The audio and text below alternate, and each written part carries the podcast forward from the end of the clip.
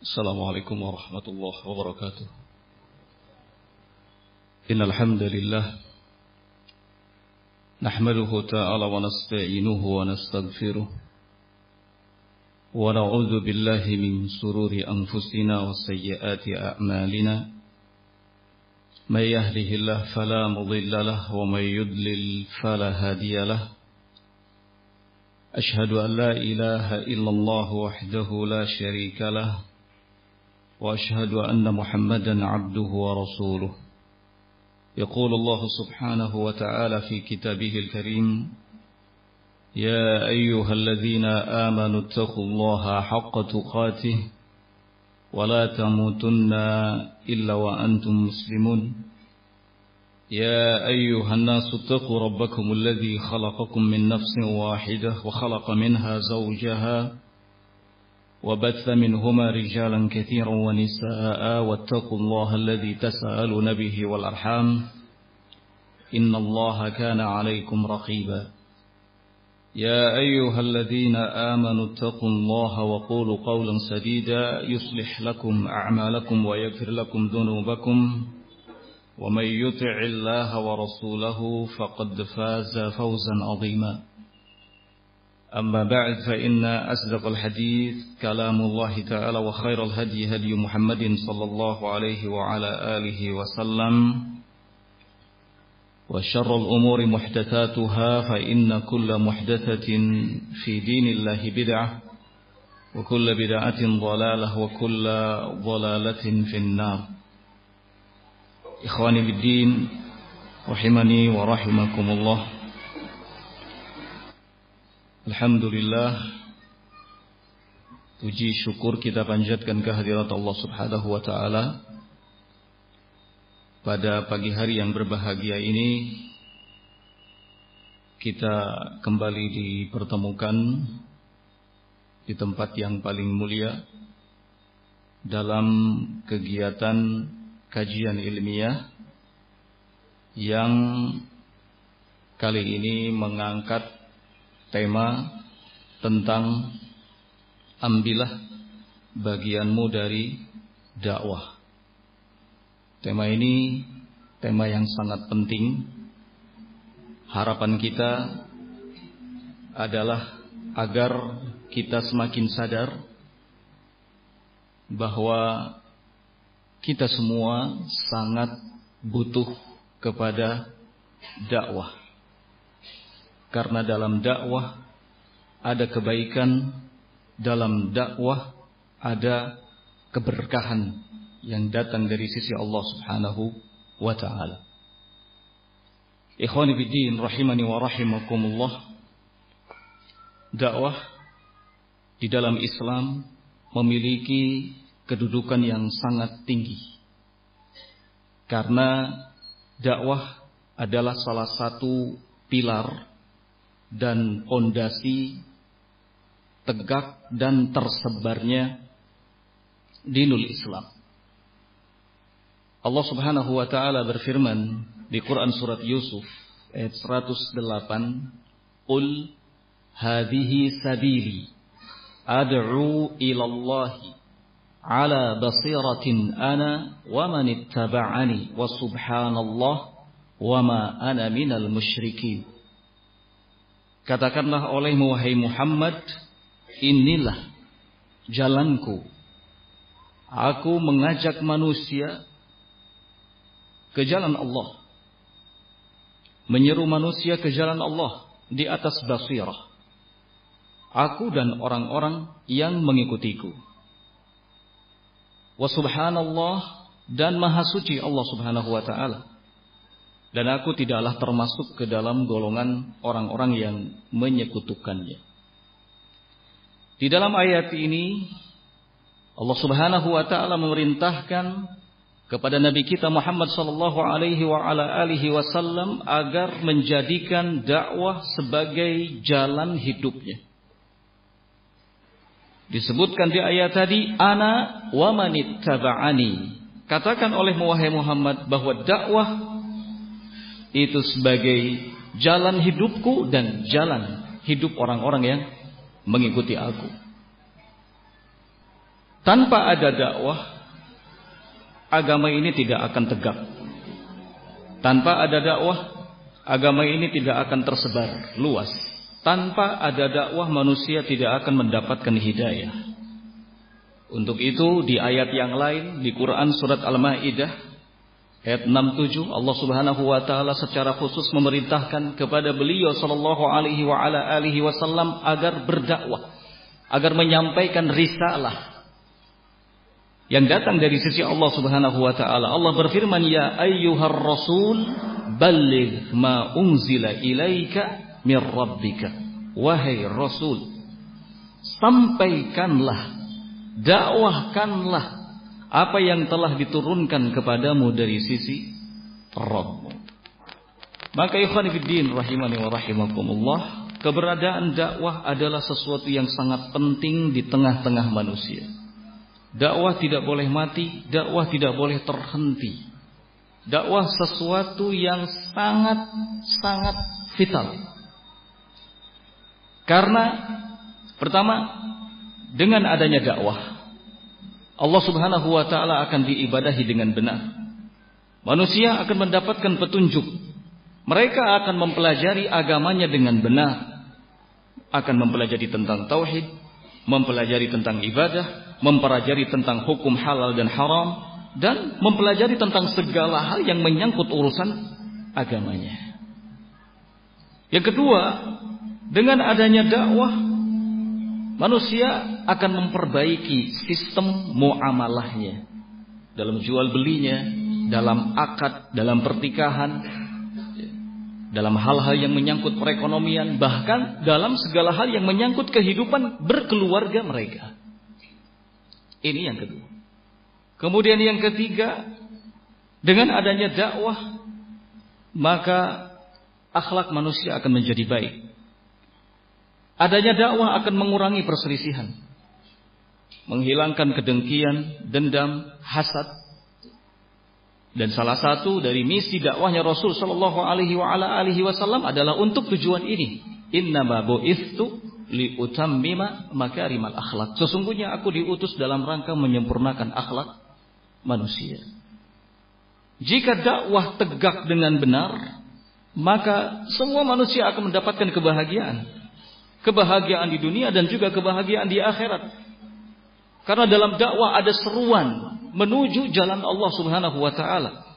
Di Quran surat Yunus ayat yang ke-25 Allah Subhanahu wa taala berfirman wallah yad'u ila daris salam.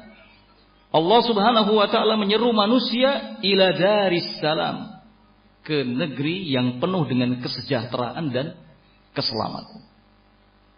Kemudian ikhwatiddin rahimani wa rahimakumullah yang keempat dengan adanya dakwah rahmat Allah Subhanahu wa taala akan meluas dan dirasakan oleh seluruh makhluknya Allah Subhanahu wa taala berfirman, "Wa ma arsalnaka illa rahmatan lil alamin." Tidaklah kami mengutus wahai Muhammad melainkan menjadi rahmat bagi semesta alam. Jadi adanya dakwah berarti adanya rahmat dari Allah Subhanahu wa taala. Kemudian berikutnya yang kelima, adanya dakwah akan tersebar keamanan, ketentraman, kenyamanan di tengah-tengah manusia. Allah Subhanahu wa taala berfirman, "Alladzina amanu wa lam yalbisu imanahum bizulmin, ulaika lahumul amnu wa hum muhtadun." Orang-orang yang beriman yang mereka tidak mencampuri keimanannya dengan kezaliman sedikit pun, ulaika lahumul amnu wa hum muhtadun. Mereka adalah orang-orang yang akan mendapatkan jaminan keamanan dan mereka adalah orang-orang yang akan mendapatkan petunjuk. Maka dalam dakwah tersimpan sekian banyak keutamaan. Sehingga yang memikul dakwah ini adalah para anbiya dan orang-orang yang mengikutinya. Allah Subhanahu wa taala menyatakan dalam firman-Nya di Quran surat Al-Ahzab, "Ya ayyuhan nabi, inna arsalnaka syahidan wa mubasysyiran wa nadhira wa da'iyan ila Allah bi idnihi wa sirajan munira."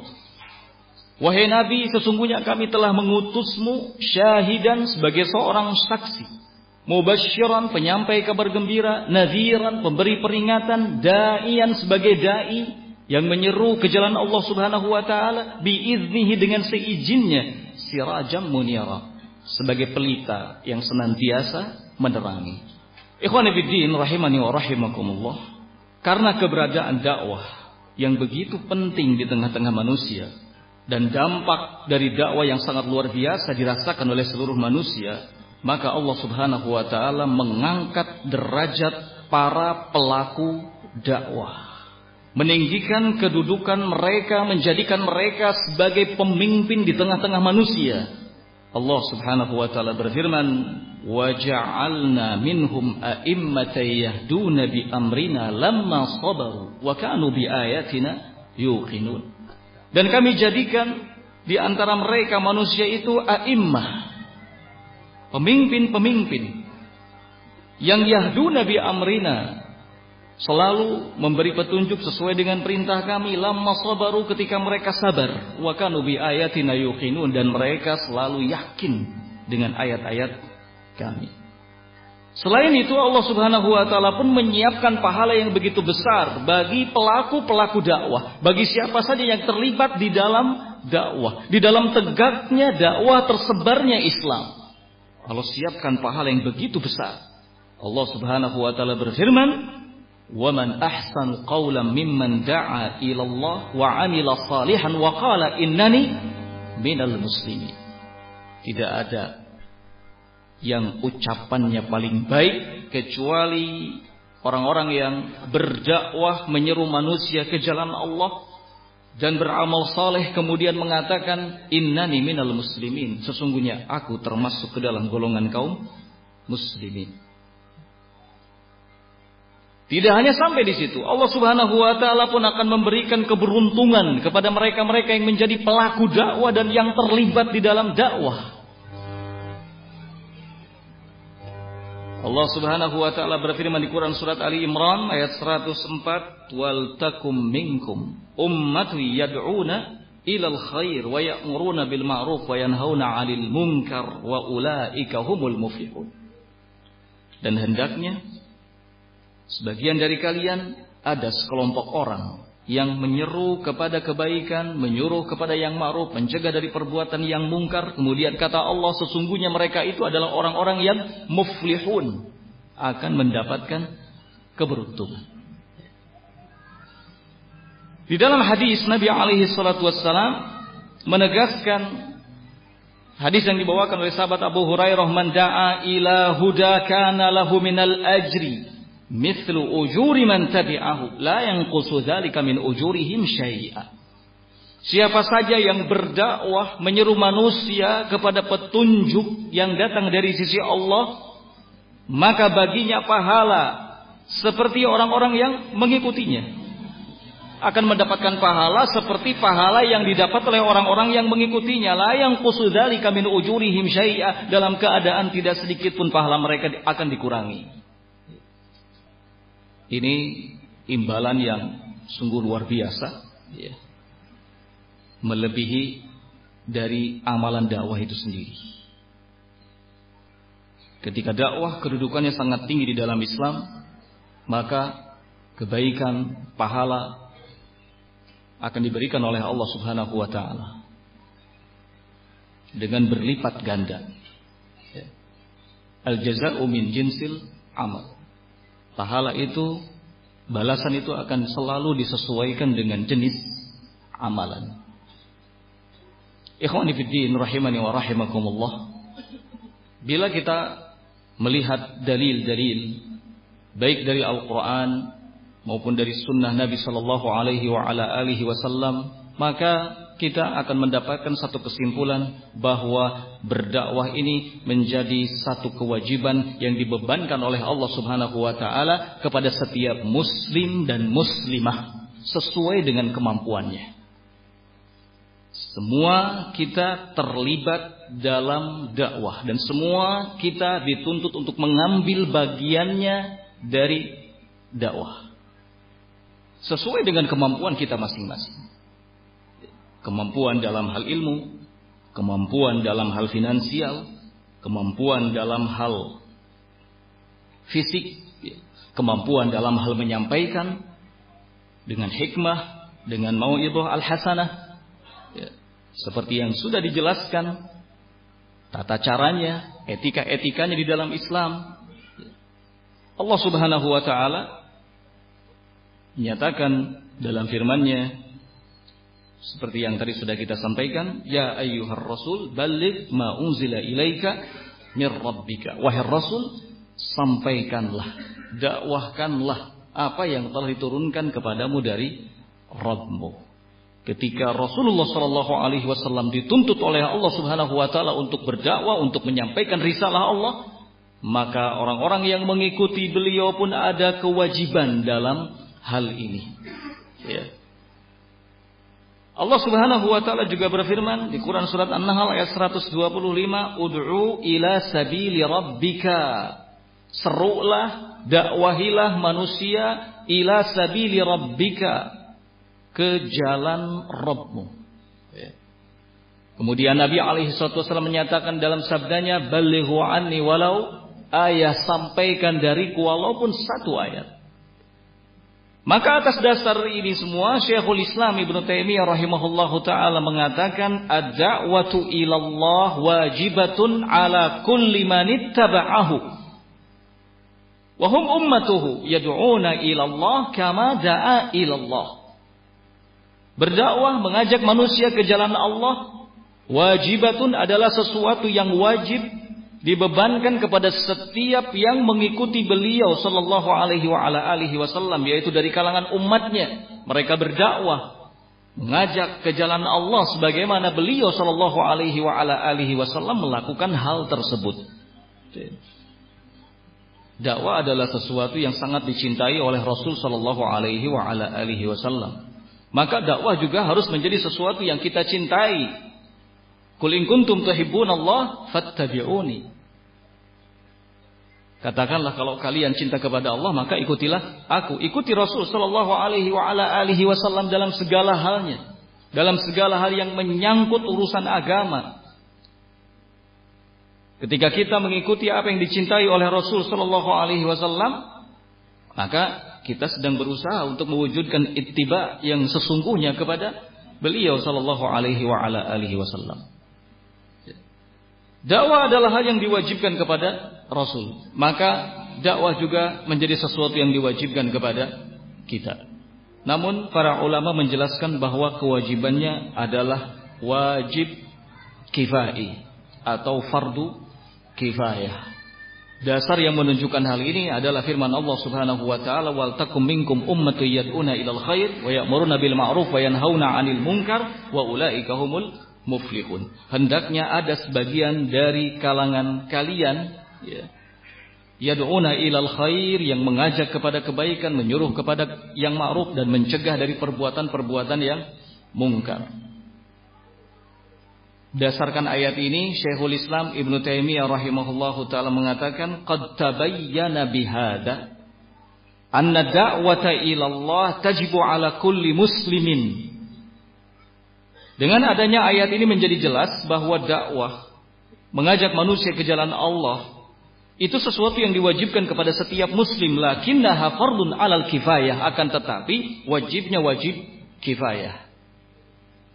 Wa inna ma yajibu 'ala ar-rajul al-mu'ayyan min dzalika ma yaqdiru 'alaihi idza lam yakun bihi ghairuhu. Namun bisa saja kewajiban dakwah ini menjadi wajib ain bagi seseorang sesuai dengan kemampuannya ketika tidak ada orang lain yang menegakkannya. Meskipun kewajibannya, kewajiban kifai, namun ada tuntutan bagi kita semua untuk melibatkan diri di dalamnya sesuai dengan kemampuan kita masing-masing. Karena dakwah itu bentuk dan macamnya beragam.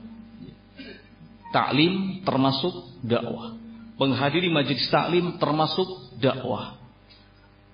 Mengadakan lembaga pendidikan diniyah seperti pondok pesantren, madrasah dan lain sebagainya termasuk dakwah. Membantu terlaksananya terwujudnya daurah-daurah kajian-kajian ilmiah termasuk dakwah. segala hal yang menyangkut kebaikan yang dengan itu membuat kita istiqomah di atas kebaikan dan tersebarnya kebaikan di tengah-tengah manusia maka masuk dalam kategori dakwah. Hatta akhlak yang kita perlihatkan itu juga dakwah. Muamalah yang kita perlihatkan juga termasuk dakwah. Sekali lagi, intinya segala sesuatu yang menyangkut kebaikan dan membuat kita istiqomah di atasnya lalu berupaya untuk menyebarkan kebaikan itu ke tengah-tengah manusia, maka itu masuk dalam kategori dakwah.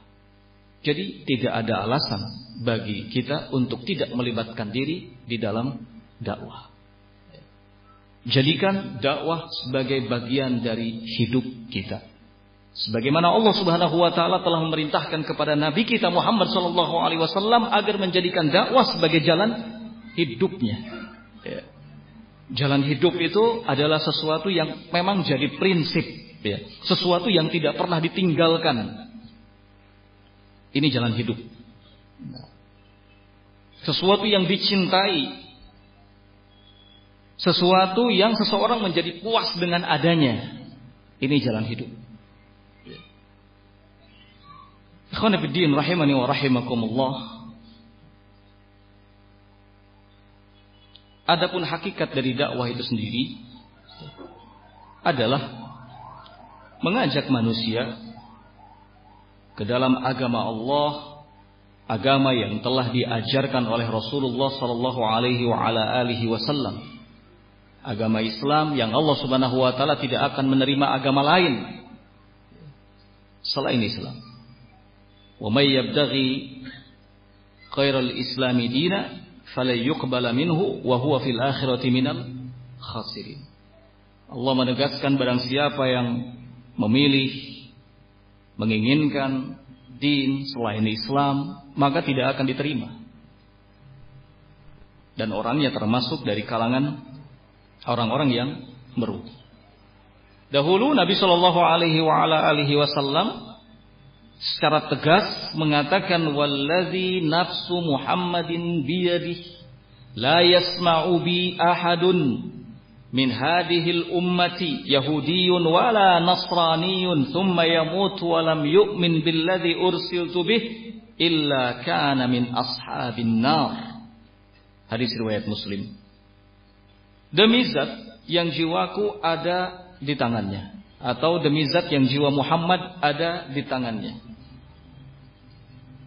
tidak ada seorang pun dari kalangan umat ini yang mendengar tentang aku, baik Yahudi maupun Nasrani, kemudian mati namun tidak beriman kepada sesuatu yang aku telah diutus dengannya, melainkan dia akan menjadi penghuni neraka. Ya. Maka hakikat dari dakwah adalah kita mengajak manusia ke dalam agama Allah, agama yang telah diajarkan oleh Rasul sallallahu alaihi wa ala alihi wasallam, bukan agama yang lain. Ya. Karena Islam datang dari sisi Allah kemudian disampaikan oleh Rasulullah sallallahu alaihi wa ala alihi wasallam kepada kita. Tidak ada Islam yang lain. Islam itu hanya satu warna. Islam tidak banyak warna. Ya, karena Islam itu agama wahyu, agama samawi, agama yang diturunkan oleh Allah, bukan buatan manusia. Sehingga tidak ada banyak warna di dalamnya. Ketika kita mengatakan Islam, maka Islam itu gambarannya adalah apa yang telah diajarkan, dicontohkan oleh Rasulullah Sallallahu Alaihi Wasallam. Enggak ada model bentuk Islam yang lainnya. Ya. Karena itu ikhwanifiddin rahimani wa rahimakumullah. Dakwah yang benar itu memiliki tanda, memiliki ciri-ciri. Ya. Yang penting sekali untuk kita kenali. Di antara ciri dan tanda dakwah yang benar itu yang pertama adalah dakwah tersebut adalah dakwah yang mengajak kepada tauhidullah. Mengesahkan Allah Subhanahu wa taala dalam hal ibadah. Dan menetapkan sifat-sifat dan nama-nama bagi Allah Subhanahu wa taala. Dakwah tersebut adalah dakwah yang betul-betul menjauhkan umat dari berbagai macam bentuk kesyirikan, khurafat dan bid'ah. Yang mendasari hal ini adalah firman Allah Subhanahu wa taala di Quran surat An-Nahl ayat yang ke-36. Allah berfirman, "Walaqad ba'atsna fi kulli ummatin rasula an i'budullah wajtanibu at-taghut." Walaqad ba'atsna fi kulli ummatin dan sungguh kami telah mengutus pada tiap-tiap umat itu seorang rasul. Tugas rasul ini apa? Berdakwah. Isi dakwahnya apa? Ani'budullah wajtanibu at-taghut. Mengajak manusia agar beribadah kepada Allah dan menjauhkan diri dari tagut, dari sembahan-sembahan selain Allah Subhanahu wa taala. Maka sudah bisa dipastikan ciri dakwah yang benar yang pertama adalah mengajak manusia kepada tauhidullah. Semua rasul yang Allah Subhanahu wa taala utus misinya adalah ini mengajak manusia untuk beribadah kepada Allah Subhanahu wa taala saja. Mentauhidkannya dalam uluhiyah, dalam rububiyah, dalam asma was sifat. Kemudian ciri yang kedua adalah dakwah yang mengajak manusia untuk ittiba kepada Rasulullah sallallahu alaihi wa ala alihi wasallam. Memperingatkan manusia dari bid'ah dan perkara-perkara yang baru di dalam agama yang tidak dicontohkan oleh Rasul Shallallahu Alaihi wa ala alihi wasallam. Nah, sebelum Rasulullah SAW berpisah dengan para sahabatnya, meninggalkan umat ini, salah satu pesan dan wasiat beliau adalah agar kita berpegang teguh kepada sunnahnya. Fa'alaikum bisunnati wa sunnatil khulafa ar-rasyidin al-mahdiyyin. Addu 'alaiha bin nawajid. Hendaknya kalian berpegang teguh kepada sunnahku dan sunnah para khulafa ar-rasyidin. Maka dakwah yang benar adalah dakwah yang selain mengajarkan tauhid juga mengajak manusia untuk mengikuti sunnah Rasul sallallahu alaihi wa ala alihi wasallam. Ya. Ikhwani fi din rahimani wa rahimakumullah. Ciri yang ketiga adalah bahwa dakwah yang hak, dakwah yang benar, dakwah yang tujuannya melunakkan hati dan jiwa manusia serta mensucikannya. Yang mendasari hal ini adalah firman Allah Subhanahu wa taala di Quran surat Ali Imran ayat 164.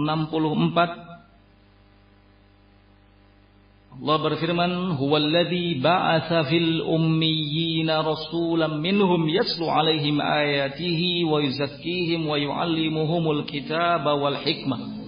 wa in kanu min qablu la fi dhalalin mubin huwallazi dialah Allah Subhanahu wa taala yang mengutus di tengah-tengah kaum yang ummi seorang rasul dari kalangan mereka yatslu alaihim ayatihi yang rasul ini menyeru, mengajak, mendakwahkan kepada mereka tentang ayat-ayat Allah, mensucikan jiwa mereka dan mengajari mereka kitab dan sunnah. Wa in kanu min qablu lafi mubin meskipun sebelumnya mereka benar-benar berada di atas kesesatan yang nyata. Ya.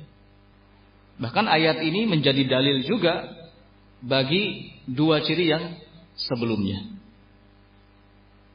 Yatslu alaihim ayatihi wa yuzakkihim wa yuallimuhumul kitaba wal hikmah. Terkandung di dalamnya misi dakwah para Rasul. Nah, ini ciri yang ketiga. Ciri yang berikutnya yang keempat. Dakwah yang hak, dakwah yang benar adalah dakwah yang menjadi sebab datangnya keselamatan bagi manusia dan menjauhkan mereka dari segala hal yang merugikan kehidupan dunia dan akhiratnya. Dasarnya adalah firman Allah Subhanahu wa taala di Quran surat Al-Asr.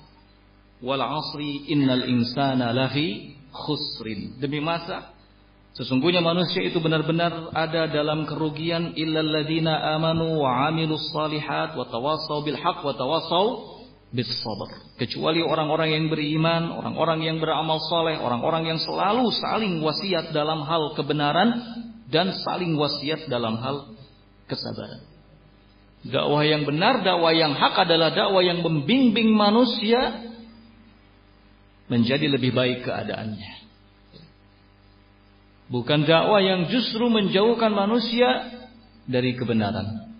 Bukan dakwah yang justru menjadikan manusia rusak keadaannya. Bukan dakwah yang justru merugikan kehidupan manusia. Baik di dunianya maupun menyangkut urusan akhiratnya. Nah, Dakwah yang hak, dakwah yang benar adalah dakwah yang di dalamnya ada tawasau bil haq wa tawasau bis. Saling wasiat dalam hal kebenaran dan saling wasiat dalam hal kesabaran. Nah, ikhwan fillah rahimani wa rahimakumullah, ciri lainnya yang kelima, dakwah yang benar adalah dakwah yang menjadi sebab manusia kokoh di atas agamanya. Keyakinan manusia menjadi kuat. Dasarnya adalah firman Allah Subhanahu wa taala di Quran surat Muhammad ayat yang ketujuh, "In tansurullaha yansurkum wa yutsabbit aqdamakum." Jika kalian menolong agama Allah, Allah Subhanahu wa taala akan menolong kalian dan mengokohkan keadaan kalian. Nah.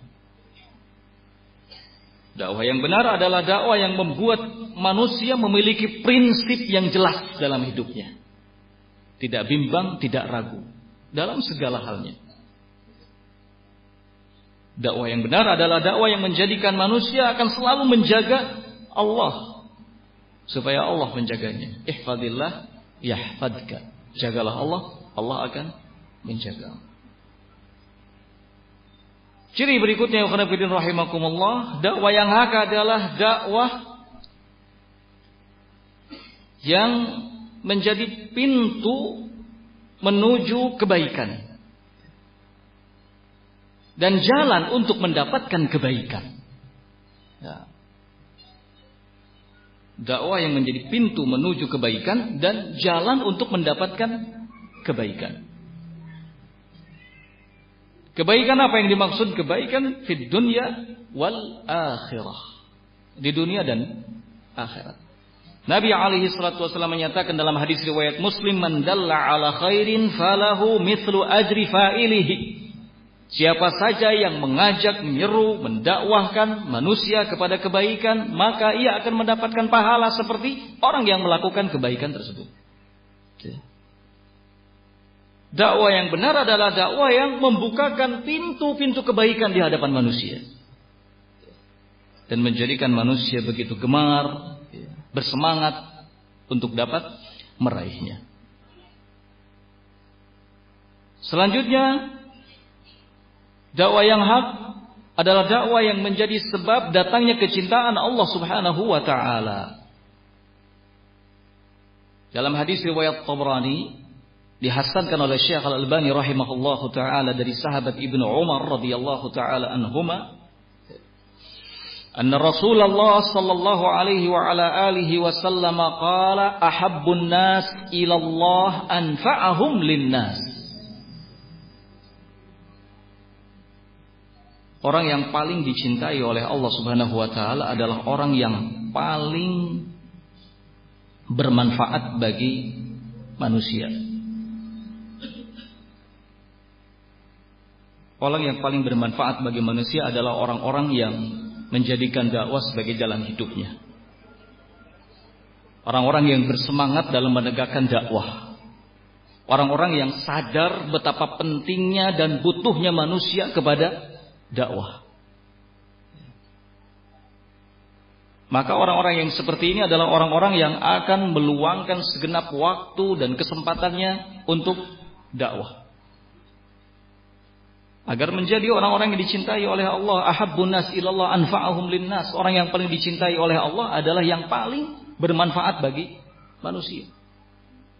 Secara naluri semua manusia itu sangat senang kepada kebaikan sehingga ketika kita menjadi orang yang berusaha mengajak mereka kepada kebaikan maka kita akan menjadi orang-orang yang dicintainya selain dicintai oleh Allah Subhanahu wa taala tentunya maka berusahalah menjadi orang yang bermanfaat bagi manusia.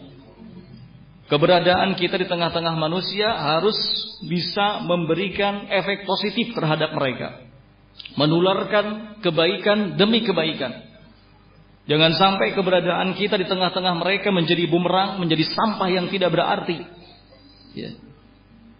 Selalu kita dengar ada istilah sampah masyarakat. Sampah masyarakat ini ditujukan kepada orang-orang yang keberadaannya memang tak ubahnya bagaikan sampah. Tidak bermanfaat, justru yang ada selalu memberi mudarat, menebar keburukan-keburukan. Ya. Mengeluarkan aroma yang tidak sedap. Oleh karena itu, jadilah orang yang bermanfaat bagi manusia. Nah, Salah satu upaya yang kita bisa lakukan untuk mewujudkan hal itu adalah dakwah. Jadikan dakwah sebagai jalan hidup. Ambil bagian kita dari dakwah. Nah, ada peluang kebaikan yang tersimpan di dalam dakwah yang bisa untuk kita raih. Ikhwani fiddin rahimani wa rahimakumullah. Selanjutnya penting untuk kita ketahui bahwa dakwah ini adalah amal jama'i. Amal yang butuh dikerjakan oleh banyak orang secara bersamaan. Dakwah tidak bisa ditegakkan oleh masing-masing orang. Menyendiri dari yang lain. Dakwah baru bisa tegak ketika dilakukan secara bersama-sama. Karena itu dakwah disebut sebagai amal jama'i. Kalau dakwah masuk dalam kategori amal jama'i, maka dakwah membutuhkan kerjasama yang baik. Kerjasama yang baik. Kenapa begitu? Karena masing-masing kita memiliki kemampuan yang berbeda-beda. Ya. Tidak ada seorang pun di antara kita yang sempurna kemampuannya dalam segala hal. Ya. Ada yang diberi kemampuan dalam harta, tetapi tidak diberi kemampuan dalam hal yang lain. Ada yang diberi kemampuan dalam hal ilmu, tetapi tidak diberi kemampuan dalam hal yang lainnya. Ada yang diberi kemampuan dalam hal kekuatan fisik, tetapi tidak memiliki kemampuan dalam hal yang lainnya. Kemampuan kita berbeda-beda. Kalau dakwah sebagai amal jama'i, maka dakwah membutuhkan kerjasama yang baik. Di antara kita ada yang mampu, ada yang tidak mampu, ada yang kaya, ada yang miskin. Oleh karena itulah Islam selalu mendorong memberikan motivasi agar kaum muslimin termasuk kita di dalamnya menjadi umat yang satu yang selalu mengerjakan segala sesuatu secara berjamaah bersama-sama. Bertawun, saling bahu membahu, saling menguatkan. Yang memiliki kekuatan mampu membantu saudaranya dengan kekuatannya. Yang memiliki harta mampu membantu saudaranya yang kekurangan dengan hartanya. Yang memiliki ilmu mampu memberikan bantuan kepada saudaranya yang tidak memiliki ilmu. Inilah refleksi dari firman Allah Subhanahu wa taala wa ta'awanu 'alal birri wat taqwa wa la ta'awanu 'alal itsmi wal udwan. Hendaknya kalian bekerja sama, tolong menolong dalam kebajikan dan takwa dan jangan sekali-kali tolong menolong dalam dosa dan permusuhan. Inilah gunanya mengapa kita semua harus terlibat dalam dakwah karena dakwah adalah amal jama'i, nggak bisa dikerjakan oleh sebagian orang saja. Ya. Kita sendirian tidak bisa memikul dakwah yang berat ini. Karena kita akan menjadi kuat dengan adanya saudara-saudara kita. Allah Subhanahu wa taala Maha tahu itu.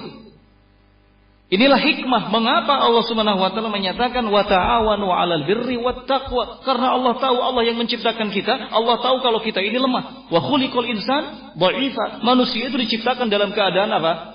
Lemah. Ya. Jangan sok kuat. Jangan merasa kita yang paling hebat. Tidak. Kita hebat, kita kuat dengan adanya saudara kita. Tanpa ada saudara-saudara kita, kita menjadi lemah. Sekalipun kita termasuk orang yang punya kedudukan yang tinggi. Tetap kita akan lemah bila tidak ada yang lain. Jika tidak ada saudara-saudara kita. Kita akan menjadi kuat ketika ada saudara-saudara kita. Kita tidak bisa hidup sendirian. Nah. Syekh Abdurrahman As-Sa'di rahimahullahu taala beliau mengatakan ketika mendefinisikan kalimat ta'awun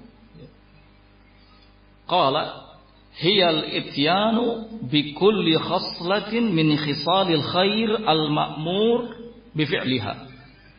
Walimtina'u an kulli khaslatin min khisali syarri al ma'mur bitarkiha wa bi ghairihi min ikhwanihi al mu'minin 'alaiha Ta'awun itu artinya adalah al-ityan bi kulli khaslatin min khisali khair al-ma'mur bi fi'liha. Melakukan segala macam bentuk kebaikan yang memang diperintahkan dan menahan diri dari segala macam bentuk kejelekan yang memang dilarang. Bimuawanati ghairihi dengan bantuan dari orang lain. Dari kalangan kaum mukminin. Setiap perintah yang Allah Subhanahu wa taala bebankan kepada kita menjadi ringan bisa kita kerjakan ketika ada bantuan dari saudara kita dari kalangan kaum mukminin. Bantuan dalam hal apa? Mungkin saja pada awalnya kita tidak tahu kalau ini diperintahkan. Tetapi ketika ada saudara kita memberitahukan kepada kita bahwa ini diperintahkan oleh Allah, akhirnya mendorong kita untuk apa? Mengerjakannya. Ya. Mungkin saja ada sebuah perintah dalam kitabullah, dalam hadis Rasul Shallallahu Alaihi Wasallam kita merasa berat untuk mengerjakannya, tetapi ketika ada dorongan, ketika ada motivasi dari saudara kita, maka kita merasakan ada kemudahan untuk mengamalkannya. Ya. Atau sebaliknya ada perkara-perkara yang dilarang oleh syariat kita merasa berat untuk meninggalkannya, tetapi ketika ada saudara kita yang membantu kita, memberi motivasi untuk kita meninggalkannya, maka kita mampu untuk melakukan hal tersebut. Meninggalkan perkara yang dilarang itu. Nah. Karena kita sekali lagi menjadi kuat dengan adanya saudara-saudara kita dari kalangan kaum mukminin. Oleh karena itu Allah menghimbau agar tawasau bil haq, tawasau bis sabar. Saling wasiat dalam kebenaran, saling wasiat dalam hal kesabaran. Ya. Semua kita tidak ada yang kuat semua kita tidak ada yang kuat, hatta asatidah, hatta ulama. Ya. Tetap butuh adanya orang-orang yang menguatkannya. Keberadaan kaum ini di tengah-tengah kita, saudara-saudara kita, itu akan menjadi kekuatan tersendiri bagi kita. Hatta Nabi Shallallahu Alaihi Wasallam menjadi tenang ketika diberi motivasi oleh istrinya Khadijah radhiyallahu taala anha saat awal-awal menerima wahyu. Nabi dalam keadaan galau, Nabi dalam keadaan ketakutan, kemudian dikasih motivasi oleh istrinya, oleh teman dekatnya. Maka Nabi menjadi tenang. Hatta Imam Ahmad rahimahullahu taala menjadi kuat keimanannya ketika dikasih motivasi meskipun oleh seorang pencuri yang sama-sama di penjara pada saat itu. Isbir ya Ahmad, sabar wahai Ahmad. Fa innaka 'alal haq. Engkau ini benar-benar di atas kebenaran. Maka menguatlah keimanan Imam Ahmad rahimahullahu taala. Sekali berimam Ahmad, apalagi kita. Ya. Apalagi kita. Ya. Keimanan kita tidaklah seberapa jika dibandingkan dengan keimanan Imam Ahmad rahimahullah. Ya. Imam Ahmad merasakan imannya menguat ketika ada yang memberi motivasi maka kita semua butuh. Butuh orang-orang yang bisa memberikan motivasi. Kita semua butuh kepada keberadaan saudara-saudara kita dari kalangan kaum mukminin, apalagi dalam urusan dakwah, ya, urusan yang besar, tanggung jawab yang besar, amalan yang besar yang dicintai oleh Allah Subhanahu wa taala. Maka untuk mewujudkannya kita butuh adanya motivasi, kita butuh adanya orang-orang yang menguatkan kita, kita butuh adanya orang-orang yang membantu kita dalam hal ini ta'awanu 'alal birri wat taqwa. Bekerja samalah kalian di atas kebajikan dan takwa. Kebaikan apa pun mungkin akan terasa berat kalau kita kerjakan dengan sendirinya. Tetapi manakala ada yang menguatkan, yang mendorong, yang motivasi, maka menjadi apa? Ringan. Dan kebajikan yang paling tinggi tentunya adalah dakwah mengajak manusia ke jalan Allah Subhanahu wa taala. Oleh karenanya ikhwan fillah rahimani wa rahimakumullah Rasulullah sallallahu alaihi wa ala alihi wasallam telah menjadikan ta'awun ini sebagai syiar orang-orang yang beriman, ciri khas mereka di mana pun mereka berada. Dari waktu ke waktu, dari masa ke masa, dari sejak zaman dahulu sampai zaman sekarang.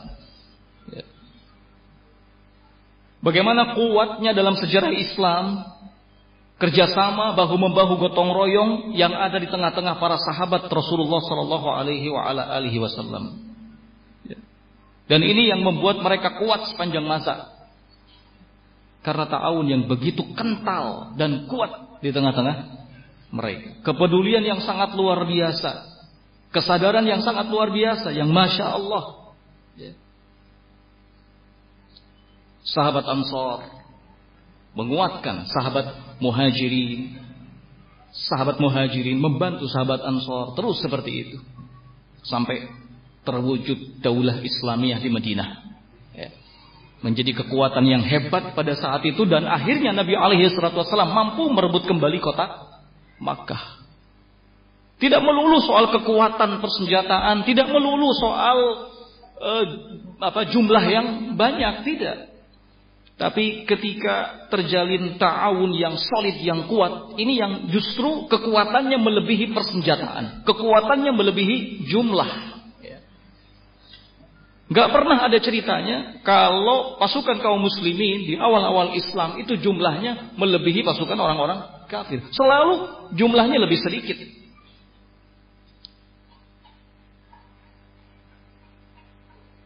Kaum muslimin 3000, orang-orang kafir Quraisy 13000, bayangkan. Ya.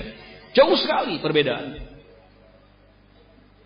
Tetapi karena kaum muslimin pada saat itu sudah menjadi satu kesatuan yang solid, saling ta'awun, saling mengingatkan, saling kerjasama bahu membahu, saling menguatkan, maka mereka menjadi kekuatan yang sangat menakutkan. Ya. Makanya di dalam Al-Quran Allah Subhanahu Wa Taala tidak pernah memuji kelompok yang banyak, nggak pernah memuji kelompok yang banyak. Justru Allah Subhanahu Wa Taala selalu menyebut kelompok yang sedikit, yang sedikit itu yang baik, yang sedikit itu yang berakal, yang sedikit yang berpikir, yang sedikit yang bisa mengambil pelajaran pelajaran. Yang sedikit yang mampu bersyukur, wa qalilu min syakur. Sedikit sekali dari kalangan hamba-hambaku yang bersyukur. Dan sebaliknya justru jumlah yang banyak ini selalu dihujat, selalu dijelekkan. Sampai Allah ingatkan agar kita jangan terpengaruh dengan jumlah yang banyak. Jangan menjadikan dasar kebenaran itu ketika jumlahnya banyak orang-orang yang berada di dalamnya banyak. Justru kebanyakan manusia itu menyesatkanmu dari jalan Allah Subhanahu wa taala. Ya. Ahlu sunnah wal jamaah dari masa ke masa selalu sedikit jumlahnya. Tidak pernah banyak. Para salaf pun sudah mengingatkan kita bahwa antum fi qillah. Kalian ini sedikit jumlahnya, enggak banyak. Bahkan Nabi alaihi salatu wassalam pun sudah menyinggung bahwa yang akan tetap eksis di atas kebenaran mengikuti sunnah beliau itu hanyalah ta'ifah, sekelompok kecil saja dari kalangan umatnya. La tazalu ta'ifatun min ummati. Akan tetap eksis di atas kebenaran sekelompok dari kalangan umatku. Berarti sedikit.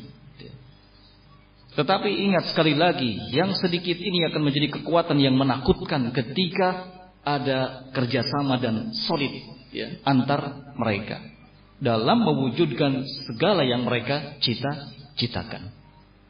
Kita ingin dakwah sunnah ini tersebar. Kita ingin dakwah sunnah ini diterima dengan baik oleh masyarakat. Kita ingin semua manusia mengenal dakwah sunnah. Jumlah kita sedikit, ingat. Tapi kita punya kekuatan. Kita punya kekuatan. Salah satu kekuatan kita adalah dalam ta'awun, kerjasama. Ketika dakwah itu ditegakkan dengan cara kerjasama yang baik, maka dakwah itu akan barokah. Kan sesuatu yang barokah itu tidak mesti dilihat wujudnya banyak, iya ya. Ada sesuatu yang sedikit tapi memberi apa? Efek barokah. Bahkan belum tentu yang banyak itu memberi efek barokah. Bukti nyata dalam hal makanan. Ya, dahulu pernah para sahabat mengeluhkan kepada Nabi Shallallahu Alaihi Wasallam, ya Rasulullah, kami makan tapi kami tidak pernah kenyang. Ya. Kemudian Rasulullah SAW mengatakan mungkin kalian makan secara berpencar. Coba makan bersama-sama. Ya. Allah akan memberikan keberkahan pada kalian. Kalau makan berpencar-pencar itu kan masih orang bebas ya. Makan apa pun dengan jumlah sebanyak apa pun. Tapi tetap merasa kurang. Karena tidak ada barokah. Nabi Alaihissalam mengatakan makanan untuk dua orang layak untuk empat orang. Makanan yang sesungguhnya porsinya empat orang layak untuk enam orang. Makanan untuk enam orang layak untuk delapan orang. Makanan untuk delapan orang layak untuk sepuluh orang dan terus seperti itu. Jadi ikhwan fillah rahimani wa rahimakumullah. Ini pentingnya kita bekerja sama dalam membangun dakwah ini. Ya. Sekali lagi Rasulullah Shallallahu Alaihi Wasallam menjadikan kerjasama ta'awun sebagai syiar orang-orang yang beriman, ciri khas mereka. Bahkan ya, lebih dari itu Nabi alaihi wasallam menjadikan ta'awun ini sebagai bukti kebenaran iman orang-orang yang beriman. Sejauh mana kebenaran orang-orang yang mengaku beriman dilihat dalam hal kerjasamanya dengan sesamanya dari kalangan kaum mukminin. Ketika semangat kerjasamanya tinggi, kerjasamanya tinggi dengan saudara-saudaranya dari kalangan kaum mukminin, maka ini menjadi bukti adanya keimanan dalam dirinya. Jadi bukan hal yang sepele, ya, bukan hal yang sepele, tetapi justru ini hal yang sangat penting sekali, urgent. Dalam Sahih Muslim dari sahabat Abu Sa'id Al-Khudri Rasulullah sallallahu alaihi wa ala alihi wasallam ya, atau sebelumnya sahabat Abu Sa'id Al-Khudri mengatakan bainama nahnu julus atau bainama nahnu fi safarin ma'an Nabi sallallahu alaihi wasallam ketika kami dalam sebuah safar bersama dengan Nabi Shallallahu Alaihi Wasallam. Ini kita harus betul-betul berterima kasih kepada para sahabat Rasul Shallallahu Alaihi Wasallam karena dengan keberadaan mereka menjadi wasilah ya segala macam petuah dan pesan-pesan Nabi Shallallahu Alaihi Wasallam itu tersampaikan dengan baik kepada kita. Para sahabat adalah orang-orang yang selalu menemani beliau. Para sahabat adalah orang-orang yang tidak pernah jauh dari beliau Shallallahu Alaihi Wasallam. Ke mana pun pergi Nabi mereka ikut. Di mana pun Nabi berada mereka ada di situ. Ini para sahabat. Maka patut bagi kita untuk berterima kasih kepada para sahabat Ridwanullah alaihi majmain mencintai mereka, menghormati mereka, menjaga kehormatan mereka, jangan mencaci maki mereka, jangan membenci mereka. Sungguh besar jasanya para sahabat Ridwanullah alaihim ajmain untuk Islam dan kaum muslimin. Ada banyak hadis yang disampaikan oleh Rasul Shallallahu Alaihi Wasallam dengan latar belakang keberadaan para sahabat di sampingnya, entah dalam safar atau dalam sebuah majlis, ya, atau dalam situasi dan kondisi lainnya. Sahabat Abu Sa'id al Khudri, beliau mengatakan, ketika kami safar bersama dengan Nabi Shallallahu Alaihi Wasallam tiba-tiba datang seorang laki-laki naik sebuah kendaraan. Datang seorang laki-laki naik sebuah kendaraan. Kemudian Nabi Shallallahu Alaihi Wasallam pada saat itu melihatnya dan beliau melihat menengok ke kanan dan ke kiri. Kemudian beliau bersabda, "Mangkana ma'ahu fadlu zahrin falya'ud bih ala man la zahra lahu." ومن كان له فضل من زاد فليعد به على من لا زاد له Barang siapa yang memiliki kelebihan tempat di kendaraannya, maka hendaknya dia mengangkut orang yang tidak mendapatkan bagian. Orang yang tidak berkendaraan dan barang siapa yang membawa bekal yang lebih maka hendaknya ia membantu orang yang tidak membawa perbekalan. Lihat bagaimana Nabi Shallallahu Alaihi Wasallam membangun kesadaran solidaritas.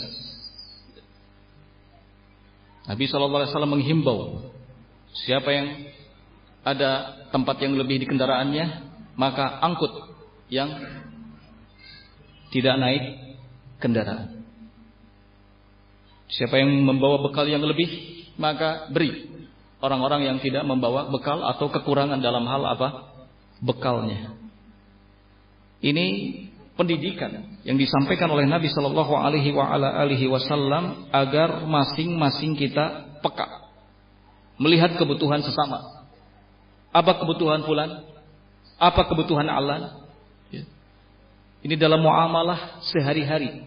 Dalam dakwah tentu kita butuh akan hal ini.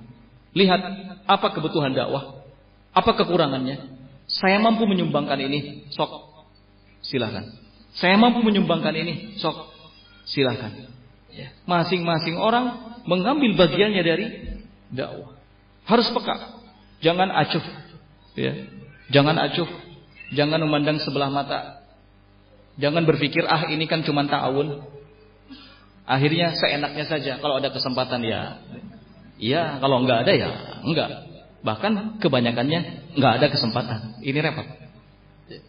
Kalau punya ya bantu, kalau enggak punya ya enggak bantu.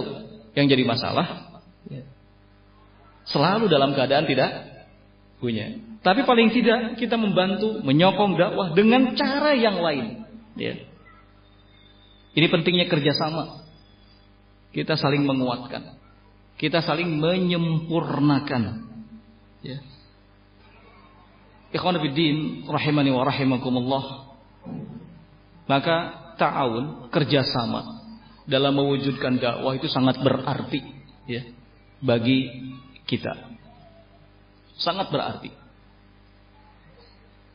Karena dakwah tidak akan bisa tegak tanpa adanya kerjasama yang baik. Dan alhamdulillah para ulama semoga Allah Subhanahu wa taala merahmati dan e, merahmati mereka semuanya memberikan bimbingan kepada kita tentang pentingnya ta'awun dan hal-hal yang dibutuhkan untuk mewujudkan hal tersebut. Dan mereka para ulama juga menjelaskan kepada kita soal kunci sukses dalam kerjasama. Ya. Karena kerjasama juga mesti ada apa aturannya, ya. Tidak hanya sekedar kerjasama begitu saja. Ada aturannya. Kerjasama itu harus terorganisir. Ta'awun itu harus betul-betul rapi, bukan asal-asalan. Harus terorganisir. Sehingga nampak masing-masing orang itu ada bagian tersendiri di dalamnya. Dan ini bukan cara-cara hizbiyah. Ya, ini bukan cara-cara hizbiyah. Islam selalu menghendaki hal yang seperti ini. Segala sesuatu dilakukan secara tertib, teratur. Ya. Nabi alaihi salatu wassalam dalam dakwahnya begitu. Ya. Nabi alaihi salatu wassalam dalam dakwahnya seperti itu. Nah, memberikan kesempatan kepada setiap orang yang memiliki andil untuk berperan serta nah, dalam dakwah. Maka di antara kunci sukses dalam kerjasama, dalam ta'awun, yang pertama adalah sidqun niat yang benar, niat yang lurus. Nah, ini hal yang penting. Kenapa? Karena ini soal hati. Ya. Ini soal hati. Dan sudah sering saya katakan bahwa segala sesuatu itu kalau tidak muncul dari hati, maka tidak akan pernah ada efeknya. Nggak akan pernah ada efeknya. Hanya sesaat, hanya sementara. Ya. Kalau kita memang cinta kepada dakwah, maka cintailah dakwah itu sepenuh hati. Betul-betul lahir datang dari dalam hati. Ya. Seperti halnya kita mencintai seseorang, mencintai istri kita, cintai dia dengan sepenuh hati. Ya, insya Allah akan melanggengkan kecintaan tersebut. Tidak hanya sebatas omongan saja, omongan di lisan. Berapa banyak kata-kata yang keluar dari lisan yang tidak bermakna sama sekali. Kenapa? Karena tidak didukung dengan hati. Aku cinta padamu, ya. Aku cinta padamu, aku sayang padamu, tapi hanya lewat lisan saja. Hati tidak, nggak akan lama yang seperti ini. Ya, nggak akan lama. Kita mencintai Allah, kita mencintai Rasulullah Sallallahu Alaihi Wasallam harus lahir dari dalam apa? Hati. Ya. Nah. Mentauhidkan Allah Subhanahu Wa Taala pun dalam keadaan seperti itu man qala la ilaha illallah khalisan min qalbihi. Sahabat Abu Hurairah bertanya kepada Rasulullah, "Wahai Rasulullah, man as'adun nas bi syafaati?" Siapakah orang yang paling bahagia mendapatkan syafaat? Beliau sallallahu alaihi wa ala alihi wasallam menjawab, "Man qala la ilaha illallah khalisan min qalbihi." Orang yang mengucapkan la ilaha illallah khalisan min qalbih. Murni, tulus, datang dari dalam hati. Maka kalau kita ingin mewujudkan kerjasama ta'awun di dalam dakwah, kunci sukses dalam hal ini yang pertama adalah sidqun niyah. Niat yang benar. Niat yang tulus betul-betul untuk dakwah. Betul-betul lillah subhanahu wa ta'ala. Tidak memiliki tujuan yang lain. Bukan dalam rangka ria, tidak dalam rangka sum'ah. Tidak ingin dipandang sebagai orang yang punya jasa yang luar biasa dalam dakwah. Tidak ingin dilulukan, tidak ingin ada anggapan di tengah-tengah saudaranya, kalau tidak ada dia, maka dakwah tidak akan jalan. Sekarang ini kan banyak penyakit yang seperti ini modelnya. Ada orang-orang yang terlibat dalam dakwah, menjadi pelaku dakwah, tetapi memiliki niat yang tidak tulus. Nampak luar biasa upaya yang dilakukannya, tapi tujuannya supaya orang melihat jasanya dan supaya orang lain bergantung kepadanya. Kalau tidak ada dia, maka dakwah tidak akan jalan. Ini tidak benar. Sia-sia. Kalau sampai ada orang yang seperti ini masuk dan terlibat dalam dakwah, menjadi pelaku dakwah, maka amalan yang mulia ini akan porak-poranda. Ya. Amalan yang agung ini menjadi sesuatu yang tidak ada artinya sama sekali.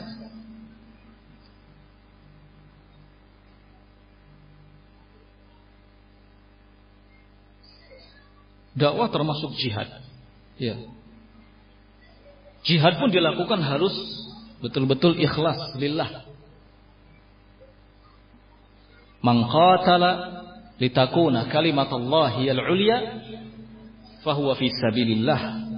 Barang siapa yang berperang dalam rangka menegakkan meninggikan kalimat Allah karena Allah ikhlas maka perangnya disebut perang di jalan Allah Subhanahu wa taala.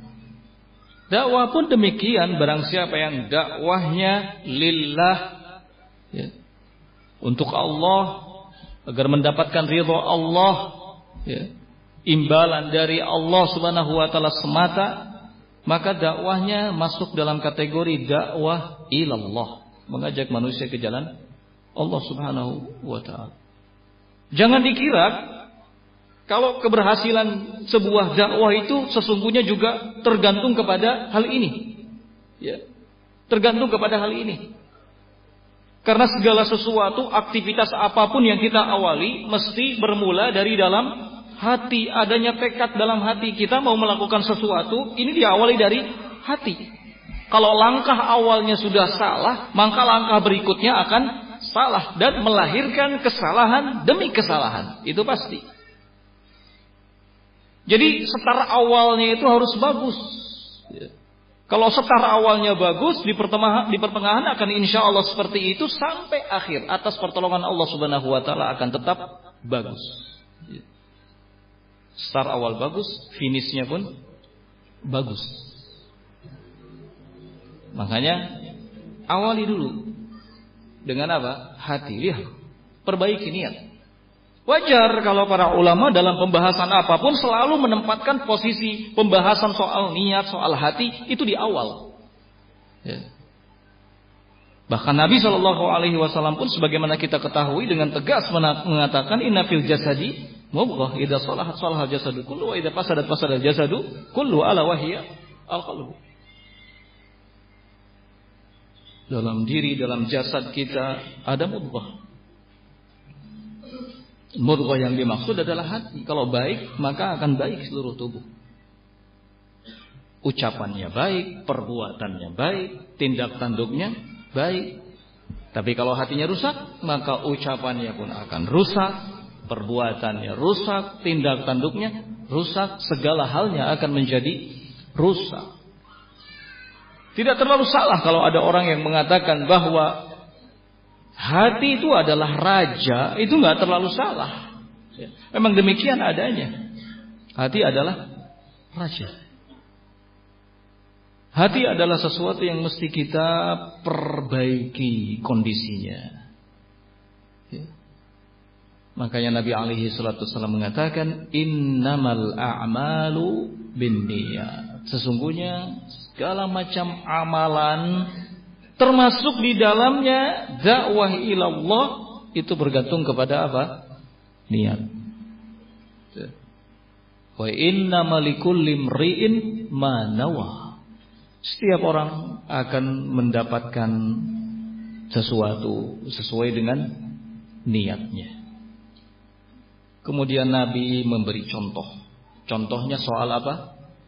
Hijrah. Ya. Contohnya soal hijrah. Nah, Nabi memberi contoh dengan amalan yang paling berat, ya, dengan hijrah. Karena memang pahalanya pun besar. Tetapi amalan yang seperti ini keadaannya menjadi sesuatu yang tidak berarti jika tidak ditopang dengan niat yang baik. Niat yang lurus. Semua bentuk amalan itu akan menjadi baik ketika didasari oleh niat yang baik. Maka yang pertama ikhwan fillah rahimani wa rahimakumullah adalah sidqu niat. Niat yang jujur. Niat yang baik. Yang kedua adalah wahdatul hadfi. Menyatukan tujuan, visi dan misi. Ya. Visi dan misi. Ini penting. Setelah kita semua memperbaiki niat, berusaha untuk terus meluruskan niat, maka berikutnya yang menjadi kunci sukses ta'awun kerjasama adalah wihdatul had. Menyatukan visi dan misi. Ini penting. Karena segala sesuatu itu tidak lepas dari visi dan misi. Apalagi dalam hal yang sifatnya besar. Ta'awun, kerjasama. Nah, mesti ada visinya. Visinya apa? Misinya apa? Sehingga masing-masing orang yang terlibat di dalamnya berjalan beriringan seia sekata. Satu tujuan. Ya tidak berbeda arah. Bagaimana mungkin kerjasama akan terwujud dengan baik ketika misi dan misinya berbeda, visi dan misinya berbeda? Setiap orang yang terlibat di dalamnya saya pun begini, saya begini, saya begini. Tidak beriringan. Nggak akan mungkin terwujud sampai kapan pun sekalipun jasadnya sudah sama-sama berkumpul di satu tempat. Ya. Karena sesungguhnya ikhwan fillah rahimakumullah kesatuan hati, kesatuan visi dan misi itu sangat berarti, bahkan lebih berarti dibandingkan dengan hanya sekedar menyatunya jasad-jasad kita. Bolehlah kita berpencar ya. Jauh yang satu di daerah ini, yang satu di daerah ini, yang satu di luar Jawa, yang satu di dalam Jawa, yang satunya lagi tengah Jawa. Di berbagai tempat. Berpencar jauh tapi ketika hatinya satu, visinya satu, misinya satu, maka akan ada kerjasama yang baik. Dakwah salaf alhamdulillah tersebar di seluruh penjuru tanah air ini. Ya. Semua visi dan misinya sama, menegakkan dakwah salaf, dakwah sunnah, mengajak manusia ke jalan sunnah, menegakkan tauhidullah, Meskipun tempat berjauhan tetapi ada kesamaan. Ya, ada kesamaan. Ini pentingnya ya, pentingnya kita menyatukan visi dan misi. Apalagi dalam masalah yang kita hadapi, dalam persoalan yang kita hadapi, dalam amal jama'i yang hendak kita tegakkan. Ini penting sekali, ini tidak boleh diabaikan, ini tidak boleh di disepelekan. Ya. Kalau isi dan misinya jelas, maka kerjasamanya pun akan lebih enak. Ya. Tapi kalau tidak jelas visi dan misinya, maka kerjasama yang dibangun nggak akan ada kejelasan, bahkan hanya ala kadarnya saja. Ya, tidak totalitas istilahnya. Nah, sedangkan dalam segala sesuatu kita dituntut untuk apa? Totalitas. Ya. Totalitas dan loyalitas tentunya. Gak akan mungkin ada totalitas kalau tidak ada apa? Loyalitas. Ketika ada loyalitas, maka dituntut harus adanya apa? Totalitas. Kita mencintai syariat Islam, loyal kepada syariat Islam, maka kita harus total di dalamnya. Udhulu fis silmi kafah. Masuklah kalian ke dalam Islam secara kafah. Totalitas, amalkan setiap perintah yang datang dari dinul Islam. Untuk sementara kita rehat dulu sampai di sini. Insya Allah nanti kita lanjut kembali. Alhamdulillahirrabbilalamin. Tafadzalu barakallahu fikum. Bismillahirrahmanirrahim. Alhamdulillah wassalatu wassalamu ala Rasulillah wa ala alihi wa sahbihi wa man walah. Wa ashhadu an la ilaha illallah wahdahu la syarika lah. واشهد ان محمدا عبده ورسوله اما بعد اخواني في الدين رحمني ورحمكم الله pada pertemuan pertama tadi sudah kita sampaikan bahwa di antara kunci sukses mewujudkan kerjasama yang baik di dalam dakwah atau ta'awun di dalam dakwah adalah yang pertama sidqun niyah. Niat yang lurus, niat yang benar. Kemudian yang kedua adalah wihdatul hadfi. Menyatukan tujuan dalam hal ini visi dan misi. Berikutnya yang ketiga adalah ma'rifatu dauri kulli syakhsin mengetahui peranan masing-masing orang. Yang ketiga ini sebenarnya terkait dengan kemampuan. Karena setiap orang kemampuannya berbeda, maka peranan yang diberikannya di dalam dakwah pun akan berbeda. Dan penting bagi kita semua yang terlibat di dalam dakwah mengetahui hal ini. Sehingga setiap orang nantinya akan bekerja sesuai dengan peranannya. Nah, di dalam dakwah. Ini hal yang penting untuk kita ketahui. Ya. Tidak boleh kita abaikan. Karena setiap orang sekali lagi keadaannya tidak sama dan kita tidak bisa menuntut semua orang memberikan andil yang sama. Oleh karenanya dakwah itu dilakukan sesuai dengan kemampuan. Ada yang mampu dengan harta, ada yang mampu dengan tenaga, ada yang mampu dengan pikiran. Dan yang lainnya. Semua bisa menyatu, bisa bekerja sama dalam mewujudkan dakwah ilallah. Mengajak manusia kepada kebaikan. Dan istiqomah di atas kebaikan tentunya. Selanjutnya ikhwan fillah rahimani wa rahimakumullah yang keempat adalah tausiful muhimmah. Menentukan tugas masing-masing pelaku atau yang terlibat di dalam dakwah. Ini bukan cara-cara hizbiyah. Tapi ini menunjukkan bahwa sebuah kerjasama, sebuah ta'awun itu memang harus terorganisir. Harus rapi, peraturan apa pun ya, kalau tidak disusun secara rapi maka tidak akan ada pengaruhnya apalagi dakwah kita ingin melakukan ta'awun kita ingin melakukan kerjasama dalam amalan jama'i amalan yang besar. Kalau tidak terorganisir akan kacau balau maka bukan merupakan sebuah kesalahan ketika kita menunjuk sebagian orang misalnya si fulan tugasnya ini si alan tugasnya ini. Ini hal yang baik. Membantu masing-masing kita untuk bisa memberikan andil, memberikan sesuatu untuk dakwah. Ilallah azza wajalla. Karena kalau tidak seperti ini kadang-kadang orang tidak mengerti saya harus bagaimana. Ketika diajak untuk bekerja sama, ketika diajak untuk ta'awun masih belum ngeh apa yang mesti saya berikan, andil apa yang dituntut dalam atau dari diri diri saya. Banyak orang yang seperti itu keadaan. Ketika kita kasih tahu, kita mengerti bahwa fulan punya kemampuan dalam hal ini, kemudian kita kasih tugas. Itu begini. Ya. Atau misalnya setiap orang menyadari keadaannya masing-masing, saya mampu dalam hal ini, maka saya akan berikan andil saya dalam hal ini.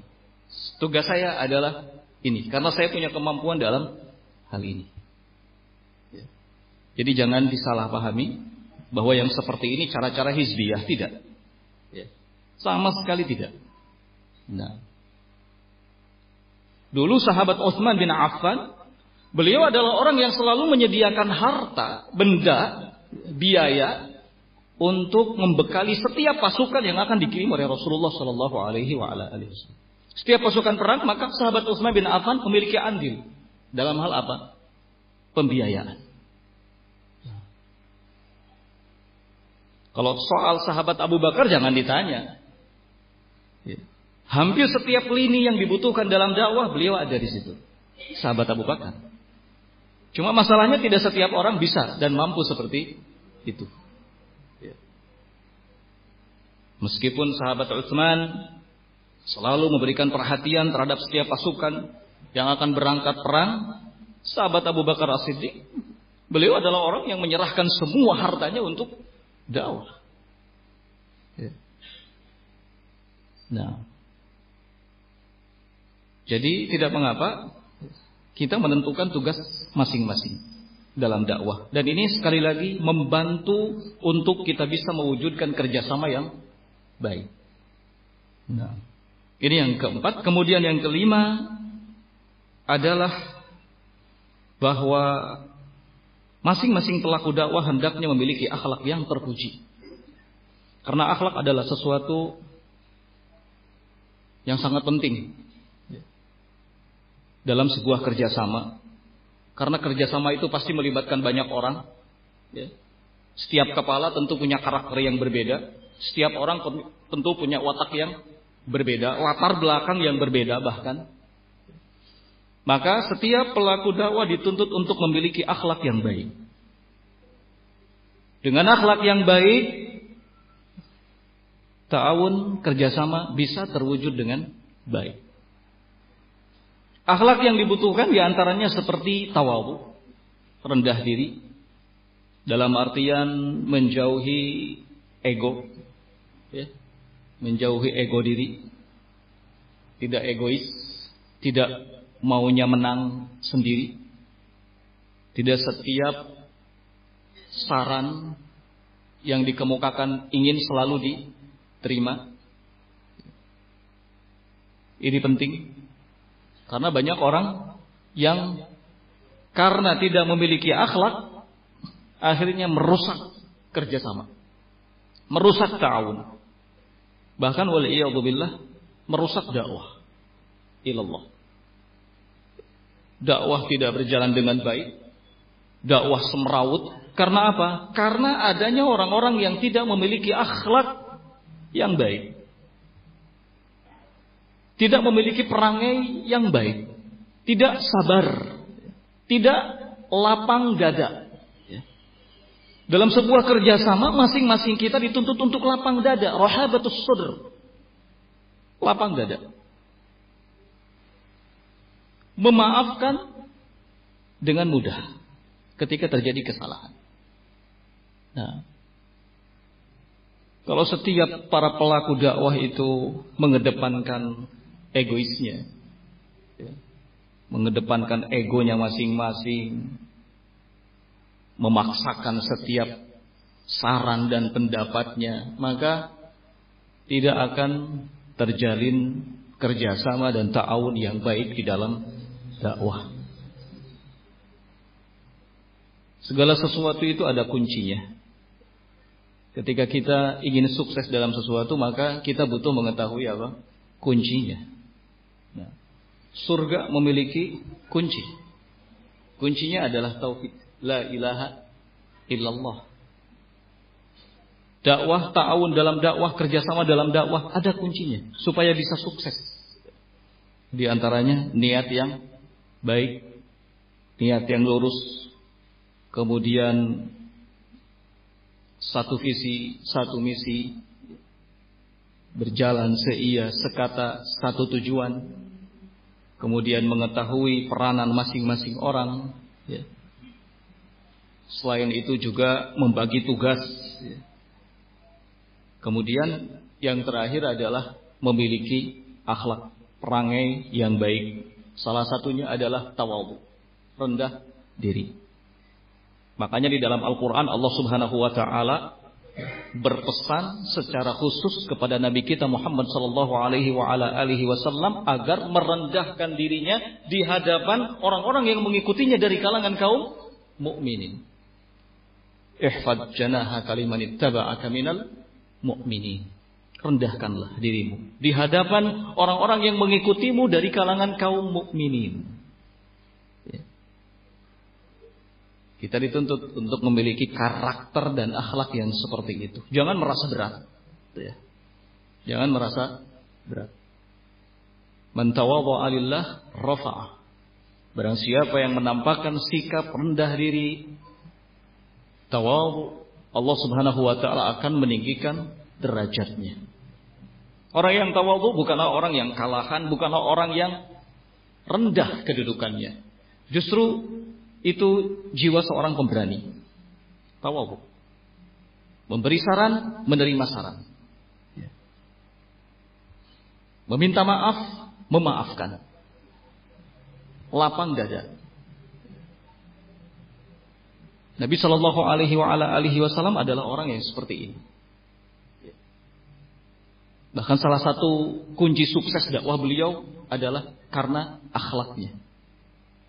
Banyak orang yang tertarik mendengar dan melihat apa yang dilakukan oleh Nabi Shallallahu Alaihi Wasallam hingga akhirnya masuk Islam, menyatakan keislaman di hadapan beliau Shallallahu Alaihi Wasallam.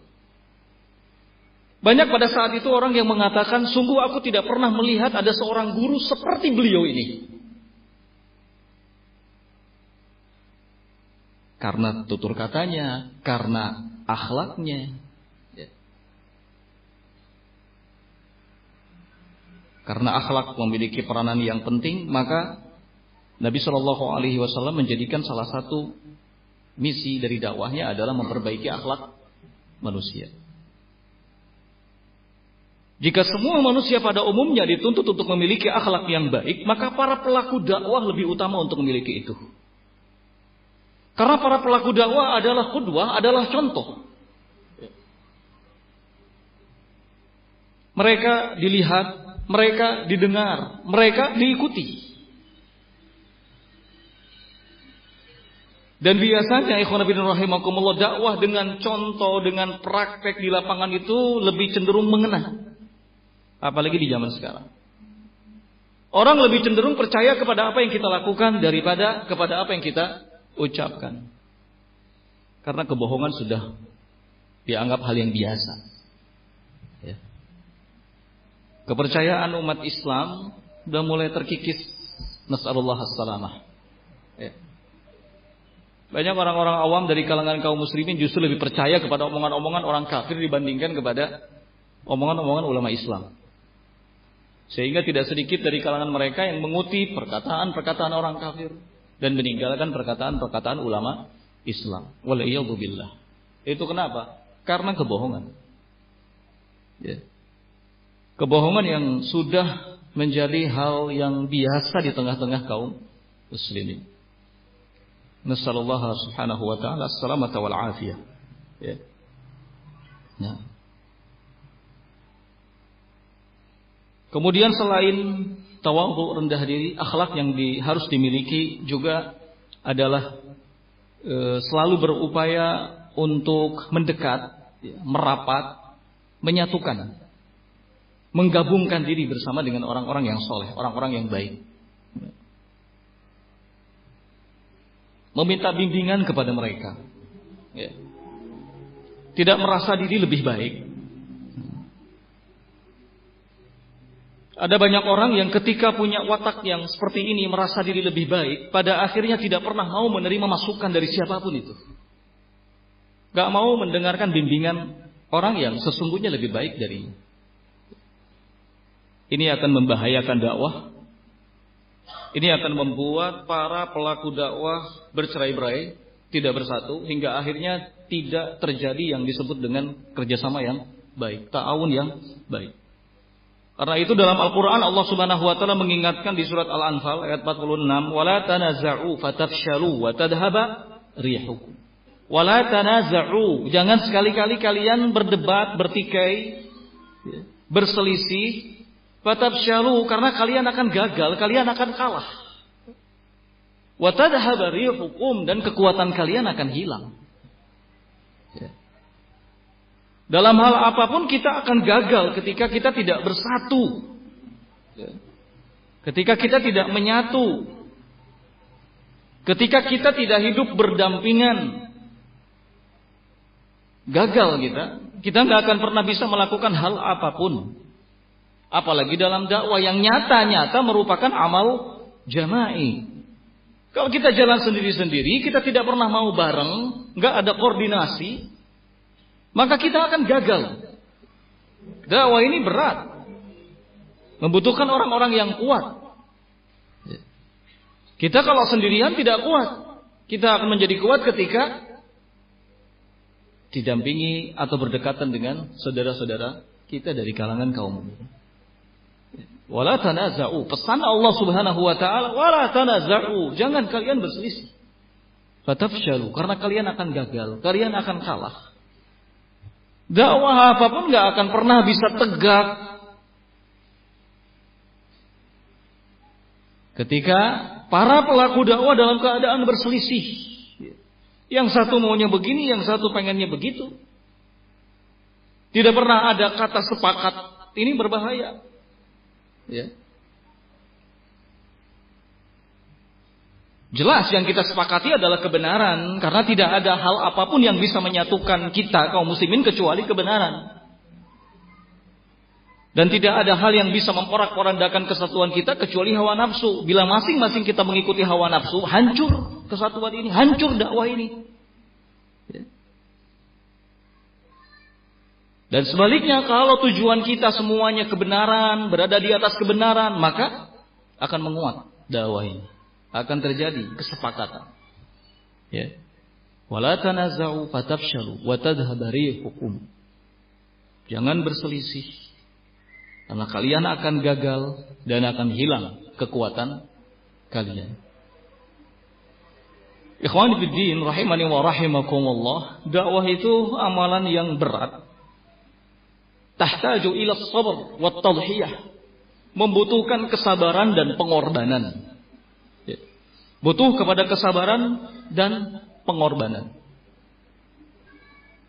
Jika kunci keberhasilan dalam membangun sebuah istana yang megah dan besar itu kesabaran dan kesungguhan, maka kunci membangun jiwa-jiwa manusia sehingga menjadi jiwa yang paripurna, jiwa yang baik adalah kesabaran dan pengorbanan. Kita bisa membuat bangunan yang hebat, megah dengan sabar dan sungguh-sungguh, ya kan? Maka di saat kita ingin membangun jiwa manusia menjadi jiwa-jiwa yang baik, jiwa-jiwa yang paripurna, tentu kita lebih butuh lagi kepada yang namanya kesabaran dan pengorbanan. Ya. Tanpa pengorbanan nggak akan pernah kita bisa melihat hasilnya. Dakwah Rasulullah Shallallahu Alaihi Wasallam yang begitu sukses itu bukan karena tidak ada pengorbanan, Beliau Shallallahu Alaihi Wasallam mengorbankan seluruh hidupnya untuk apa? Dakwah. Ya. Maka dakwah butuh kepada kesabaran dan pengorbanan. Ya. Sebagaimana dikatakan, la tunalul ma'ali bil amani. Kemuliaan itu tidak akan pernah bisa digapai dengan angan-angan. Maka dakwah tidak akan bisa tegak kecuali dengan kesabaran dan pengorbanan. Tanpa ada kesabaran, tanpa ada pengorbanan, mustahil dakwah itu akan bisa tegak. Sebagaimana kemuliaan, bila hanya dengan angan-angan, maka nggak akan pernah kita bisa menggapainya. Jangan melamunlah. Jangan banyak melamun. Harus menampakkan kerja nyata Jangan setiap hari melamun, bagaimana kalau begini, bagaimana kalau begini, bagaimana kalau begitu. Insya Allah mati dalam keadaan melamun. Ya. Gak ada satu hal pun yang bisa terwujud dengan cara melamun. Tapi harus ada kerja nyata. Sok mana pengorbanannya mana? Kesabarannya mana? Apalagi di zaman yang seperti sekarang ini di mana fitnah syahwat, fitnah syubhat sangat luar biasa. Kesesatan terjadi di mana-mana, penyimpangan akidah, kebidahan, khurafat, dan hal-hal buruk lainnya sudah merata di berbagai tempat terjadi. Dakwah semakin berat. Kebatilan semakin menguat, dakwah semakin berat. Butuh kesabaran dan butuh pengorbanan. Apa sih yang disebut dengan pengorbanan itu? Kata ini memang sering kita dengar ya, berkorban, berkorban. Ada berkorban, ada berkorban ya. Kalau berkorban kemarin kan ya, Idul Adha. Ini sekarang saatnya kita berkorban. Kemarin Idul Adha kita berkorban, sekarang berkorban. Berkorban demi tegaknya dakwah. Apa yang dimaksud dengan berkorban? Atau pengorbanan itu apa artinya? Pengorbanan kata para ulama maknanya adalah at-tabarru'u bisyai duna muqabil. Memberikan sesuatu tanpa pamrih. Tanpa mengharapkan balasan. Ya. Ini namanya pengorbanan dan berkorban. At-tabarru'u bisyai duna muqabil. Memberikan sesuatu tanpa pamrih tanpa menginginkan adanya balasan. Betul-betul totalitas di dalamnya. Ya. semua kita mesti menampakkan pengorbanannya dalam dakwah. Ini caranya kita mengambil bagian dari dakwah. Artinya kita mesti berkorban. Menampakkan pengorbanan. Berkorban dengan harta menampakkan pengorbanan dengan jiwa, menampakkan pengorbanan dengan waktu, dengan ilmu, dengan kedudukan, dengan hal apa pun yang bisa kita lakukan. Dan ingat, dakwah itu kewajibannya tidak hanya dibebankan kepada seorang muslim, kepada kaum muslimin, tetapi juga kepada kaum muslimah. Para wanita juga mendapatkan kesempatan, mendapatkan peluang untuk menjadi para pelaku dakwah. Tentunya dengan kemampuan yang dimilikinya. Mendukung suaminya dalam dakwah. Memberi motivasi, dorongan kepada suaminya. Di saat suaminya dibutuhkan dalam dakwah, tidak rewel, tidak cerewet, telat sedikit pulang suaminya, rewel. Padahal suaminya tidak keloyor ke sana kemari, suaminya sedang mengurus urusan apa? Dakwah. Sudah lelah capek pulang ke rumah, malah dijatuhkan semangatnya. Jangan. Istri yang solihah, istri yang baik tidak seperti itu. Istri yang solihah mau berkorban. Untuk apa? Untuk suaminya, untuk dakwah ilallah. Ya. Bagaimana Khadijah radhiyallahu taala anha seorang sosok wanita yang begitu besar pengorbanannya dalam dakwah Rasulullah sallallahu alaihi wasallam. Ini contoh yang patut ditiru oleh setiap muslimah. Bukan tidak memiliki peranan, bukan berarti tidak punya andil sama sekali dalam dakwah, tidak. Mereka semua juga mendapatkan kesempatan untuk itu dengan hal yang dimampuinya. Di antaranya yang paling sederhananya adalah mendukung segala aktivitas dakwah yang dijalani oleh suaminya. Ya. Apalagi kalau istri seorang dai ya. Baru sepekan tinggal lagi, baru sepekan tinggal lagi, ya kan? Jarang ketemu. Sabar, dukung suaminya. Ada kegiatan apa? Oh, saya harus ijtima, saya harus kumpul.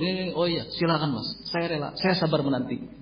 Semoga ada jalan keluar yang baik. Mudah-mudahan dakwah sunnah semakin kuat. Bukannya ketika suaminya mau pamit, aduh mas, ini kan anak kita nih baru sembuh. Bu ya tunggulah, jangan berangkat dulu. Hai, suaminya yang tadinya semangat tuh jadi, aduh, iya ya. Berpikir ulang, Cobalah mas mengerti. Selain urusan di luar juga ya urusan di rumah harus dipahami. Seolah-olah suaminya tidak pernah memperhatikan urusan di rumah. Padahal ketika di rumah suaminya juga luar biasa perhatiannya. Ya. Dan wanita itu memang punya sifat seperti itu. Ketika ada peluang untuk bisa menekan suami, maka akan ditekan suami. Kebaikan yang banyak yang dilakukan oleh suaminya itu dilupakan ketika suaminya melakukan satu kekeliruan kecil. Ya enggak? Dilupakan itu semua kebaikan. Padahal Masya Allah suaminya seorang yang baik. Ya, perhatian dalam segala hal. Tapi qadarullah namanya manusia ya kan gak lepas dari kesalahan. Ada kesalahan sedikit. Akhirnya dilupakan semua kebaikan. Gak boleh seperti itu. Seorang istri harus mendukung kegiatan dakwah suaminya dalam hal apa pun yang berhubungan dengan dakwah. Insya Allah pahalanya sangat besar. Ya. Pahalanya sangat besar dan Rasulullah Shallallahu Alaihi Wasallam begitu besar kecintaannya kepada Khadijah. Bahkan hanya Khadijah lah yang membuat Aisyah radhiyallahu taala anha selalu cemburu setiap kali mendengar kata Khadijah diucapkan oleh Nabi alaihi salatu wasallam, Aisyah cemburu. Sering sekali Nabi menyebut Khadijah, Khadijah, Khadijah karena perannya yang sangat besar, punya andil yang sangat luar biasa dan itu di awal-awal dakwah. Bukan sudah di pertengahan, bukan di awal-awal dakwah. Bayangkan bagaimana beratnya pada saat itu. Ya. Berat. Karena kalau mengawali sesuatu itu memang berat. Beda kalau sudah jalan, ya kan, tinggal melanjutkan. Tapi kalau mengawali sesuatu itu berat sekali. Dan kita setiap orang, setiap kita butuh dukungan, butuh motivasi. Di saat Rasulullah SAW membutuhkan dukungan, membutuhkan motivasi, semangat untuk berdakwah, Khadijah radhiyallahu taala anha berada di belakang beliau sallallahu alaihi wa ala wasallam memberi motivasi terus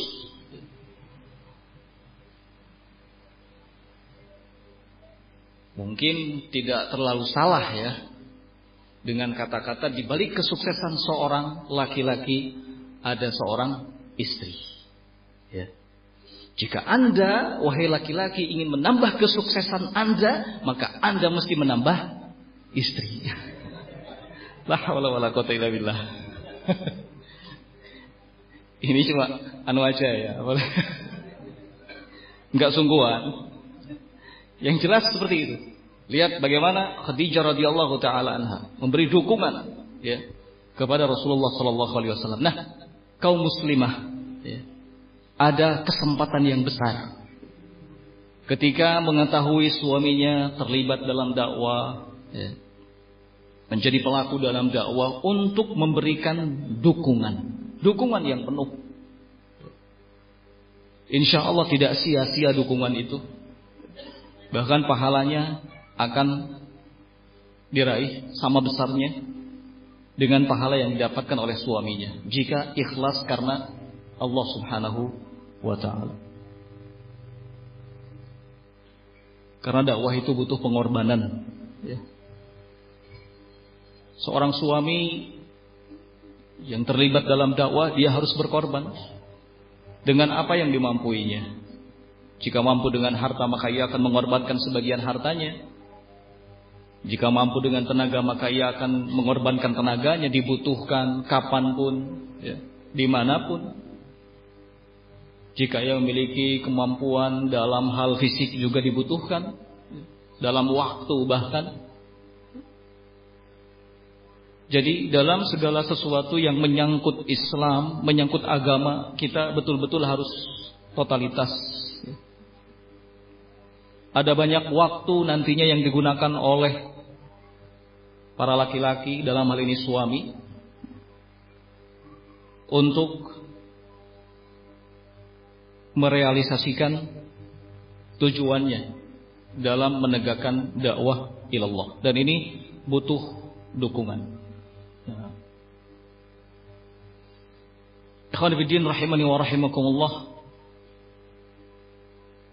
Pengorbanan di dalam dakwah termasuk salah satu rukun dakwah yang paling penting. Kalau rukun itu berarti sesuatu yang harus ada. Ketika tidak ada, maka dakwah tidak akan nampak. Enggak ada dakwah tanpa pengorbanan. Dakwah itu membutuhkan apa? Pengorbanan. Pengorbanan juga menjadi ciri khas dari ahlul haq. Orang-orang yang membawa kebenaran. Mereka adalah orang-orang yang berani berkorban demi tegaknya kebenaran. Ya. Ini ciri khas ahlul haq. Pengorbanan dalam dakwah juga menjadi bukti kejujuran komitmennya dalam dakwah. Kalau seseorang mengaku berkomitmen berpegang teguh di atas manhaj salaf dakwah salafiyah, maka harus ada bukti. Harus ada pengorbanan. Ada banyak bentuk pengorbanan. Di antaranya tadi yang disebutkan berkorban dengan harta, bahkan berkorban dengan apa? Jiwa. Ya. Berkorban dengan harta, bahkan berkorban dengan jiwa. Berani mati dalam membela al-haq, membela apa? Kebenaran. Karena tidak ada yang dicintai oleh seorang muslim selain dari kebenaran. Nah, Allah Subhanahu wa taala menyatakan dalam firman-Nya Quran surat At-Taubah, "Innallaha ashtara minal mu'minina anfusahum wa amwalahum bi anna lahumul jannah." Sesungguhnya Allah Subhanahu wa taala membeli dari orang-orang yang beriman jiwa-jiwanya dan harta-hartanya dengan surga.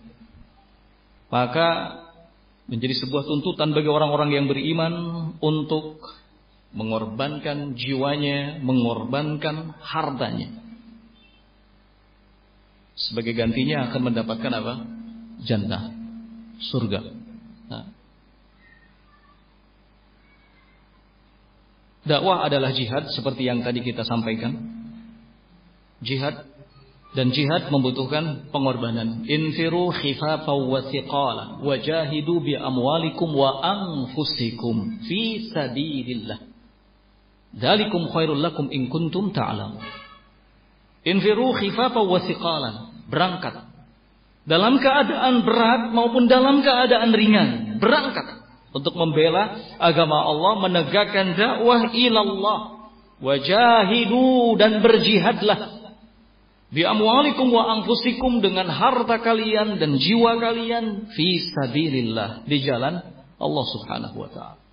Berangkat jangan pernah ada kata ragu. Sambut seruan jihad. Sambut seruan dakwah. Berangkat. Jangan pernah ada kata ragu. Bismillah, tawakal Allah. Dalam keadaan berat maupun dalam keadaan ringan. Makanya pengorbanan menjadi apa? Bukti. Sok. Mampu nggak? Jangan cuma bicara doang. Jangan sekedar omdo lah. Zaman sekarang ini nggak butuh omdo, omong doang. Ya. Jangan cuma petir saja yang terus menyambar setiap saat tapi hujannya tidak turun, turun. Setiap saat bicara dakwah, setiap saat bicara ini itu ini itu ini itu tetapi realisasinya nihil. Realisasinya tidak ada. Allah membutuhkan bukti nyata. Allah Subhanahu wa taala membutuhkan pengorbanan dari setiap masing-masing kita. Infiru khifafa wa thiqala. Berangkatlah baik dalam keadaan ringan, berat. Berangkat. Nah, yang demikian itu jauh lebih baik bagi kalian in kuntum ta'lamun jika kalian mengetahuinya. Ya. Ada juga berkorban dalam bentuk bakti nyata, amal yang tidak mengenal lelah, ya. menginfakkan sebagian besar dari waktunya di jalan Allah Subhanahu wa taala dan dalam rangka tersebarnya agama Allah Subhanahu wa taala. Dakwah jelas membutuhkan waktu, ya kan? Jelas membutuhkan waktu. Nabi alaihi salatu wasallam ketika di Mekah saja menghabiskan sekian belas waktu dalam apa?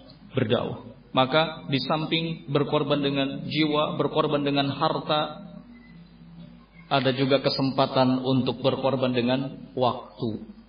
Mungkin ada banyak waktu yang kita gunakan untuk dakwah.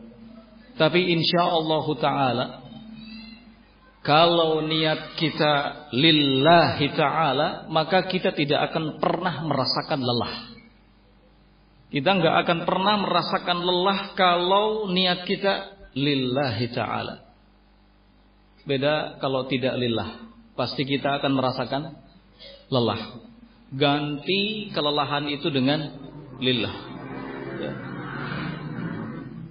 Sekali lagi akan banyak waktu. Ini mesti kita sadari. Ya. Ini mesti kita sadari. Akan banyak waktu yang kita gunakan. Dan waktu memang meminta kita untuk berkorban.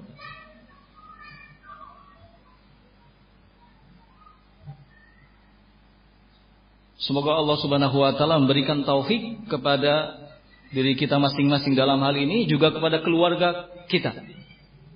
Diberi kesabaran, diberi kesadaran Ya. bahwa dakwah itu butuh waktu ada kalanya ya, suami harus meninggalkan istrinya untuk beberapa hari dalam rangka dakwah.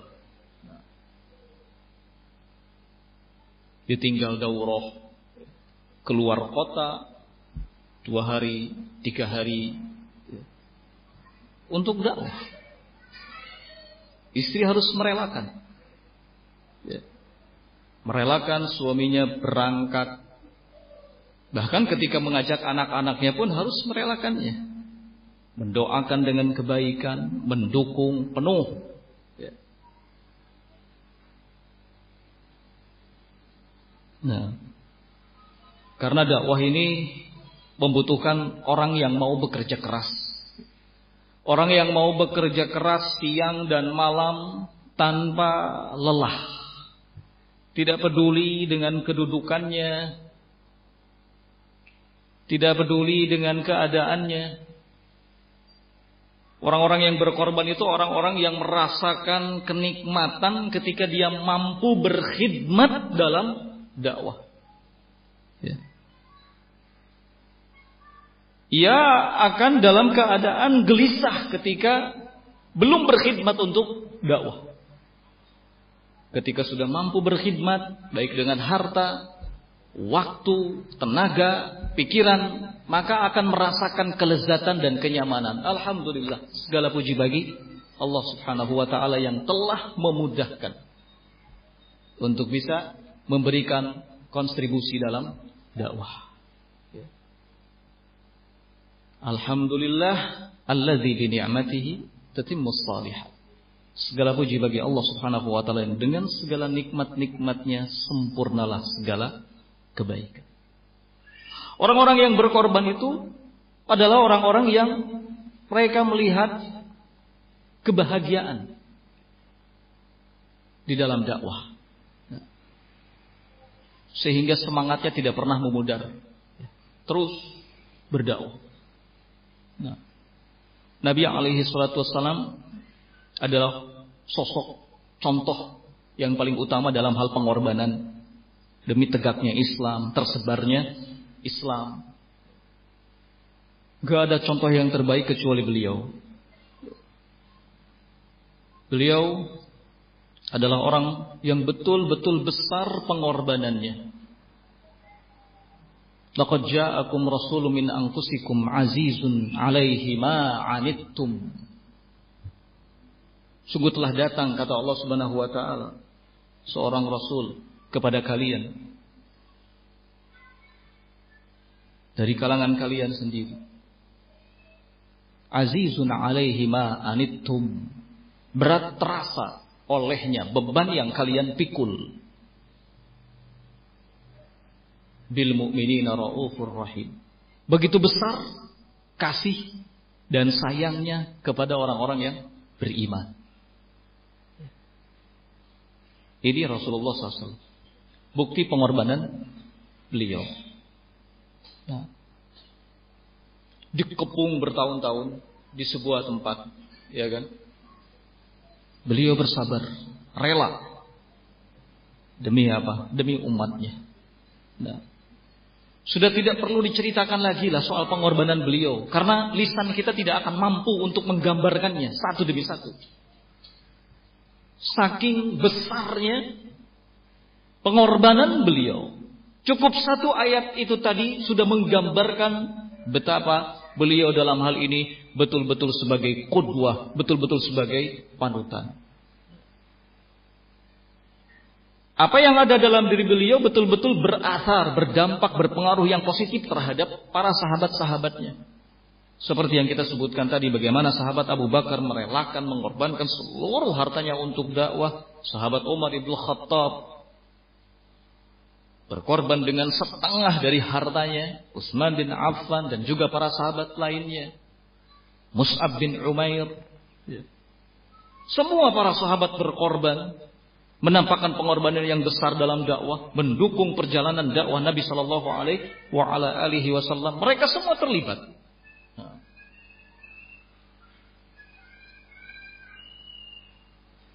dan tidak pernah ada kata ragu dalam diri mereka karena yang mereka harapkan adalah jannah. Yang mereka harapkan adalah keriduan Allah Subhanahu wa taala. Oleh karenanya wajar jika mereka mendapatkan predikat radhiyallahu anhum. Allah ridho kepada mereka. Ya. Dan jangan ditanya keriduan mereka. Keriduan mereka sangat besar. Makanya mereka rela berkorban dalam hal apa pun. Ada yang berkorban dengan kebunnya. Semua kebunnya diserahkan untuk dakwah. Ada yang berkorban dengan perhiasannya, ada yang berkorban dengan tenaganya. Ada yang berkorban dengan khidmatnya kepada Rasul sallallahu alaihi wa ala alihi wasallam. Ini para sahabat ridwanullah alaihim ajma'in. Maka ikhwan fillah rahimani wa rahimakumullah. kita betul-betul sangat butuh untuk mau berkorban dalam dakwah ini. Sekali lagi saya ingatkan bahwa inilah makna dari ambillah bagianmu dari dakwah. Artinya tampakkan pengorbanan masing-masing kita ya di dalam dakwah ini. Saya tidak mampu berkontribusi dalam hal ilmu, silahkan berperan menampakkan andil dalam hal yang lainnya sesuai dengan apa kemampuan. Yang jadi muskilah adalah ketika kita tidak pernah mau memberikan andil, memberikan sesuatu apa pun terhadap dakwah. Ini musibah. Ini bertolak belakang dengan pengakuan yang selalu di dengan dengungkan yang selalu didagangkan sebagai pengikut Rasulullah Shallallahu Alaihi Wasallam. Padahal di ayat yang sudah kita baca, Rasulullah Shallallahu Alaihi Wasallam diperintahkan oleh Allah untuk menjadikan dakwah sebagai jalan hidupnya. Jalan hidupku kata beliau dan jalan hidup manittaba'ani orang-orang yang mengikuti aku. Kalau kita memang betul-betul mengaku secara jujur ya, sebagai pengikut Rasulullah Shallallahu Alaihi Wasallam maka kita harus menjadikan dakwah sebagai jalan hidup kita. Kita tidak bisa lepas dari dakwah. Karena dakwah adalah sesuatu yang bisa membuat kita istiqomah di atas kebenaran. Selain kita berupaya agar orang lain mengikuti kebenaran tersebut. Nah, karena dalam dakwah ada sebab yang membuat kita istiqomah di atas al-haq. Nah, ketika dakwah yang hak ini terus menguat, maka secara otomatis dakwah yang batil itu akan melemah. Kapan dakwah yang hak ini akan menjadi kuat ketika pengorbanan kita besar? Semakin besar pengorbanan kita terhadap dakwah, maka akan semakin semakin menguat pula dakwah tersebut. Ketika pengorbanan kita minim, maka seperti itulah keadaan dakwah. Dan selain itu adalah sabar. Yang tidak boleh untuk kita lupakan juga sabar. Jangan terlalu tergesa-gesa, terburu-buru ingin melihat hasil dan merasakan hasil. Karena hasil itu akan datang sendiri sesuai dengan usaha yang kita lakukan. Kalau usaha kita belum maksimal dalam sesuatu, maka mana mungkin kita akan mendapatkan hasil yang baik. Sejauh mana usaha yang kita lakukan, pengorbanan yang kita lakukan, maka sejauh itu pula hasil yang bisa kita raih. Jadi butuh bersabar. Itu bersabar. Dengan kesabaran yang tinggi. Fasbir kama sabara ulul azmi minar rusul. Bersabarlah seperti kesabaran para ulul azmi dari kalangan rasul. Ya. Bersabar agar dakwah ini tetap tegak. Karena tanpa kesabaran nggak mungkin kita semua mampu memikul persoalan dakwah ini. Kita sudah punya lembaga pendidikan, kita sudah punya madrasah, kita sudah punya masjid yang kita kelola sendiri. Saatnya kita memberi kontribusi. Saatnya kita berkorban. Saatnya kita bersabar.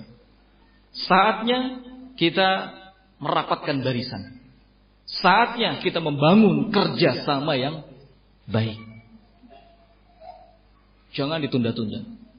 Jangan disia-siakan kesempatan yang baik seperti ini. Ada banyak teman kita, saudara-saudara kita yang semangat mereka untuk berdakwah sangat luar biasa, tetapi fasilitas, tempat menjadi kendala bagi mereka. Mereka tidak bebas men, apa menegakkan dakwah, tidak bebas menampakkan syiar dalam dakwah, bahkan untuk taklim pun sulit. Tapi semangat mereka tidak pernah surut. Semangat terus pasang.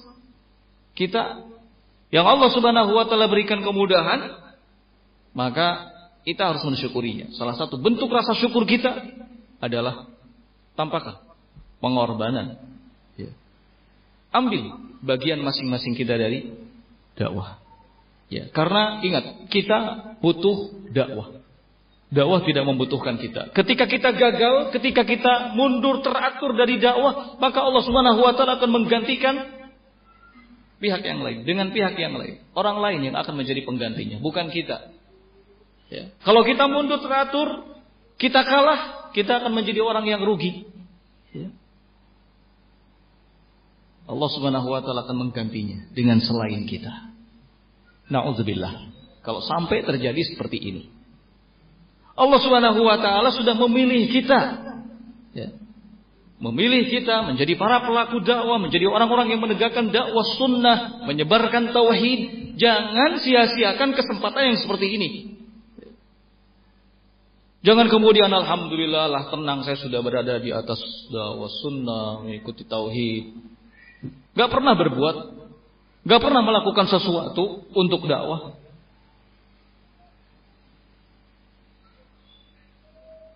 Gak boleh seperti itu. Ya. Khawatir. Karena tidak ada pengorbanan sama sekali yang kita tampakkan. Justru membuat kita mundur, teratur, ya, meninggalkan dakwah. Karena orang-orang yang seperti ini sedikit rasa memilikinya. Kalau seseorang sudah punya rasa sedikit memiliki terhadap sesuatu, maka dia tidak akan pernah peduli dengan sesuatu tersebut. Ya.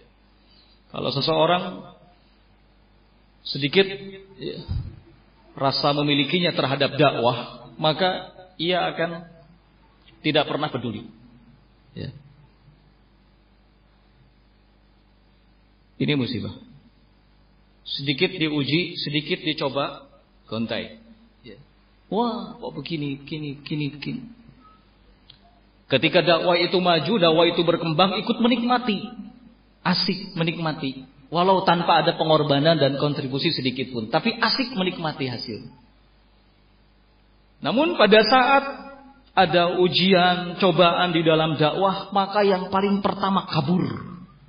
Ya. Yang paling pertama, kabur. Kita tidak membutuhkan orang-orang yang seperti ini dalam dakwah. Ya. Tanamkan rasa memiliki yang tinggi, yang kuat. Ya. Bahwa dakwah ilallah adalah jalan hidup. Prinsip yang harus dimiliki. Ya. Dengan begitu kita tidak sungkan, kita tidak ragu untuk mengorbankan segala hal apa pun yang kita miliki. Ya. Nah. Dan kita tidak akan pernah merasa rugi.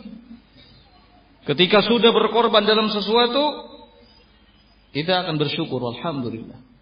Nggak akan pernah merasa rugi. Apa pun hasilnya.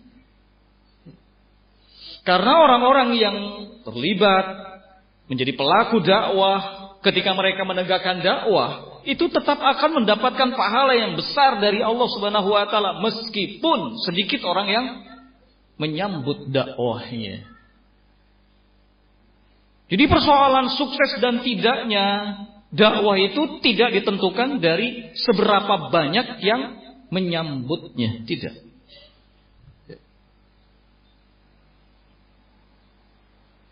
Nabi alaihi salatu wasallam mengatakan la an yahdiyallahu bika rajulan wahidan. Lihat.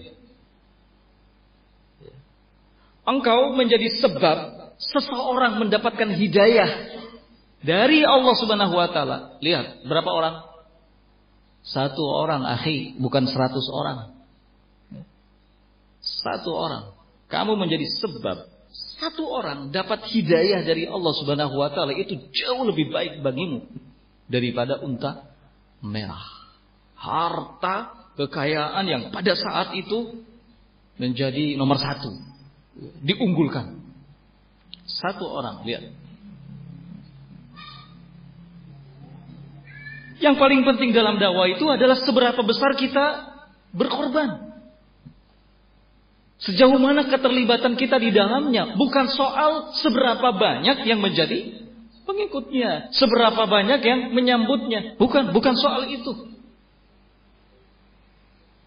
Nabi Shallallahu Alaihi Wasallam saja menegaskan, menerangkan dalam sabdanya bahwa datang seorang nabi atau rasul yang dalam keadaan sendirian tanpa ada pengikut, ada juga yang datang dalam keadaan hanya beberapa saja yang menjadi pengikutnya. Apakah kemudian kita katakan bahwa nabi dan rasul itu gagal dalam dakwahnya? Tidak. Ya. Satu orang kita mampu ya, mengajaknya kepada kebaikan dan Allah memberikan taufik kepadanya sehingga mendapatkan hidayah itu luar biasa. Kita telah memberikan pengorbanan yang besar. Ya. Kita mampu mengajak, kita mampu memberi contoh yang baik, kita mampu mengajarkan muamalah yang baik sehingga dia mendekat, mendekat, mendekat akhirnya, walhamdulillah dapat hidayah. Ini masya Allah sebuah kenikmatan yang besar. Jadi sekali lagi ikhwanifiddin rahimani wa rahimakumullah dakwah butuh pengorbanan dan sabar ya. Bersabar. Sebagaimana Nabi alaihi salatu wassalam menampakkan sikap sabarnya dalam hal ini yang sungguh sangat luar biasa dan tidak mungkin juga kita sampaikan ya kita sebutkan satu demi satu contoh kesabaran Nabi Shallallahu Alaihi Wasallam karena lisan ini tidak akan pernah mampu menggambarkan seberapa besar kesabaran beliau Shallallahu Alaihi Wasallam. Sampai beliau mengatakan, "Ukhiftu." Aku ini dihinggapi rasa takut. Ya. Yang tidak pernah dirasakan oleh seorang pun. Beliau juga mengatakan, aku ini adalah orang yang mendapatkan gangguan yang tidak pernah dirasakan oleh seorang pun. Luar biasa. Ya.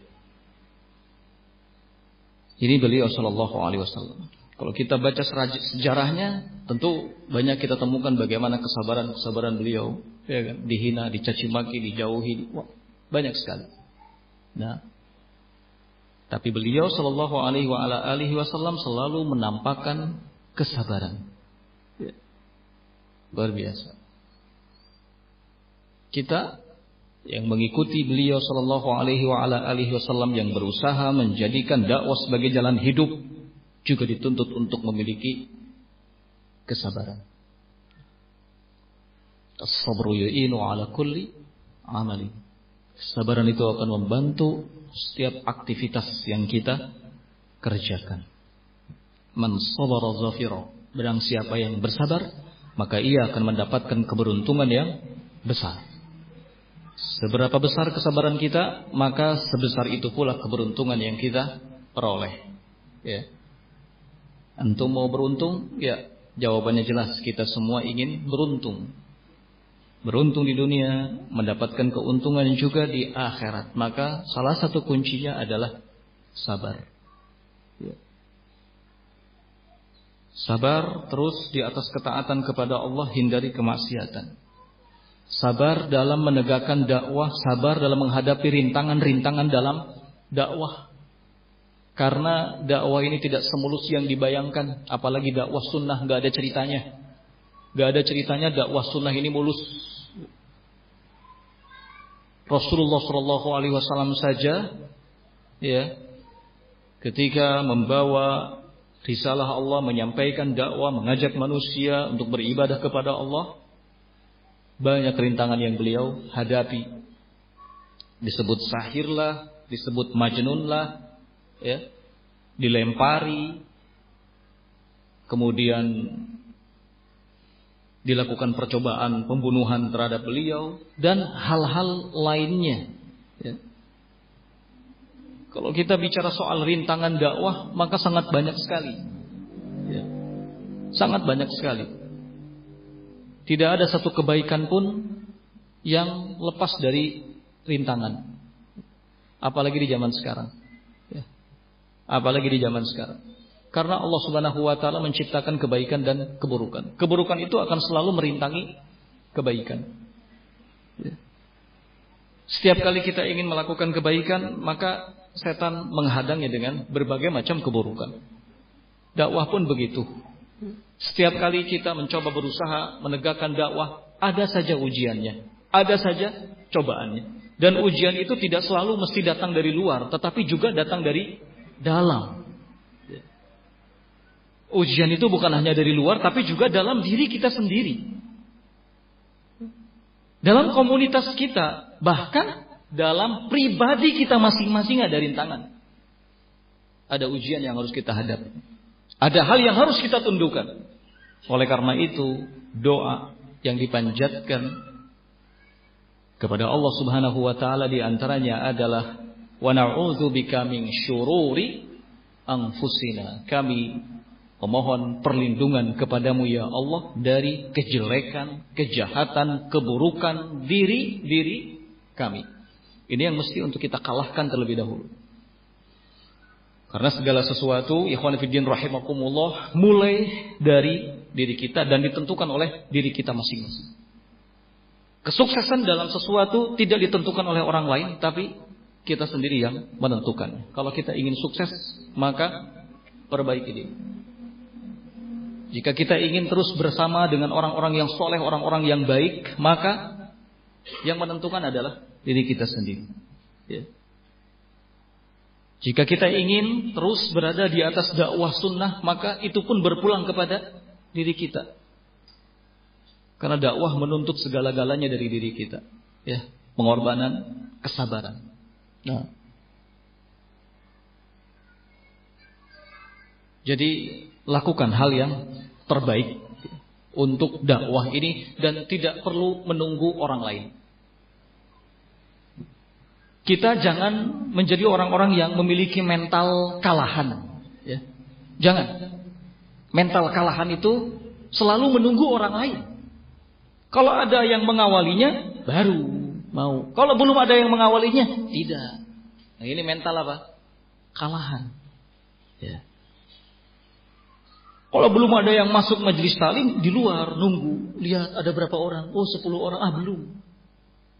Nanti kalau sudah lihat ada berapa. Oh ada 20 orang. Nah masuklah. Ini mental kalahan.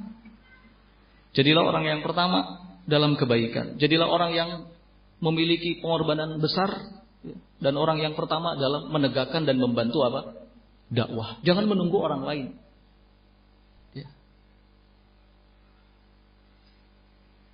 Oh, ini sekarang dakwah membutuhkan dana. Sudah berapa orang yang nyumbang? Baru lima orang. Oh, nanti. Jangan dilihat ada berapa orang, sudah berapa jumlahnya. Sok, jadi orang yang pertama ini saya. Ada panggilan untuk bermusyawarah, membicarakan soal dakwah. Sebelum datang, telepon dulu. Sudah ada yang datang belum? Oh belum, ya nggak datang. Jangan begitu. Jadilah orang yang pertama, memberi contoh yang baik. Ya, datang duluan. Sebelum yang undang datang, kalau perlu datang duluan. Sebelum tempatnya ditentukan, kalau perlu datang duluan. nah, penting.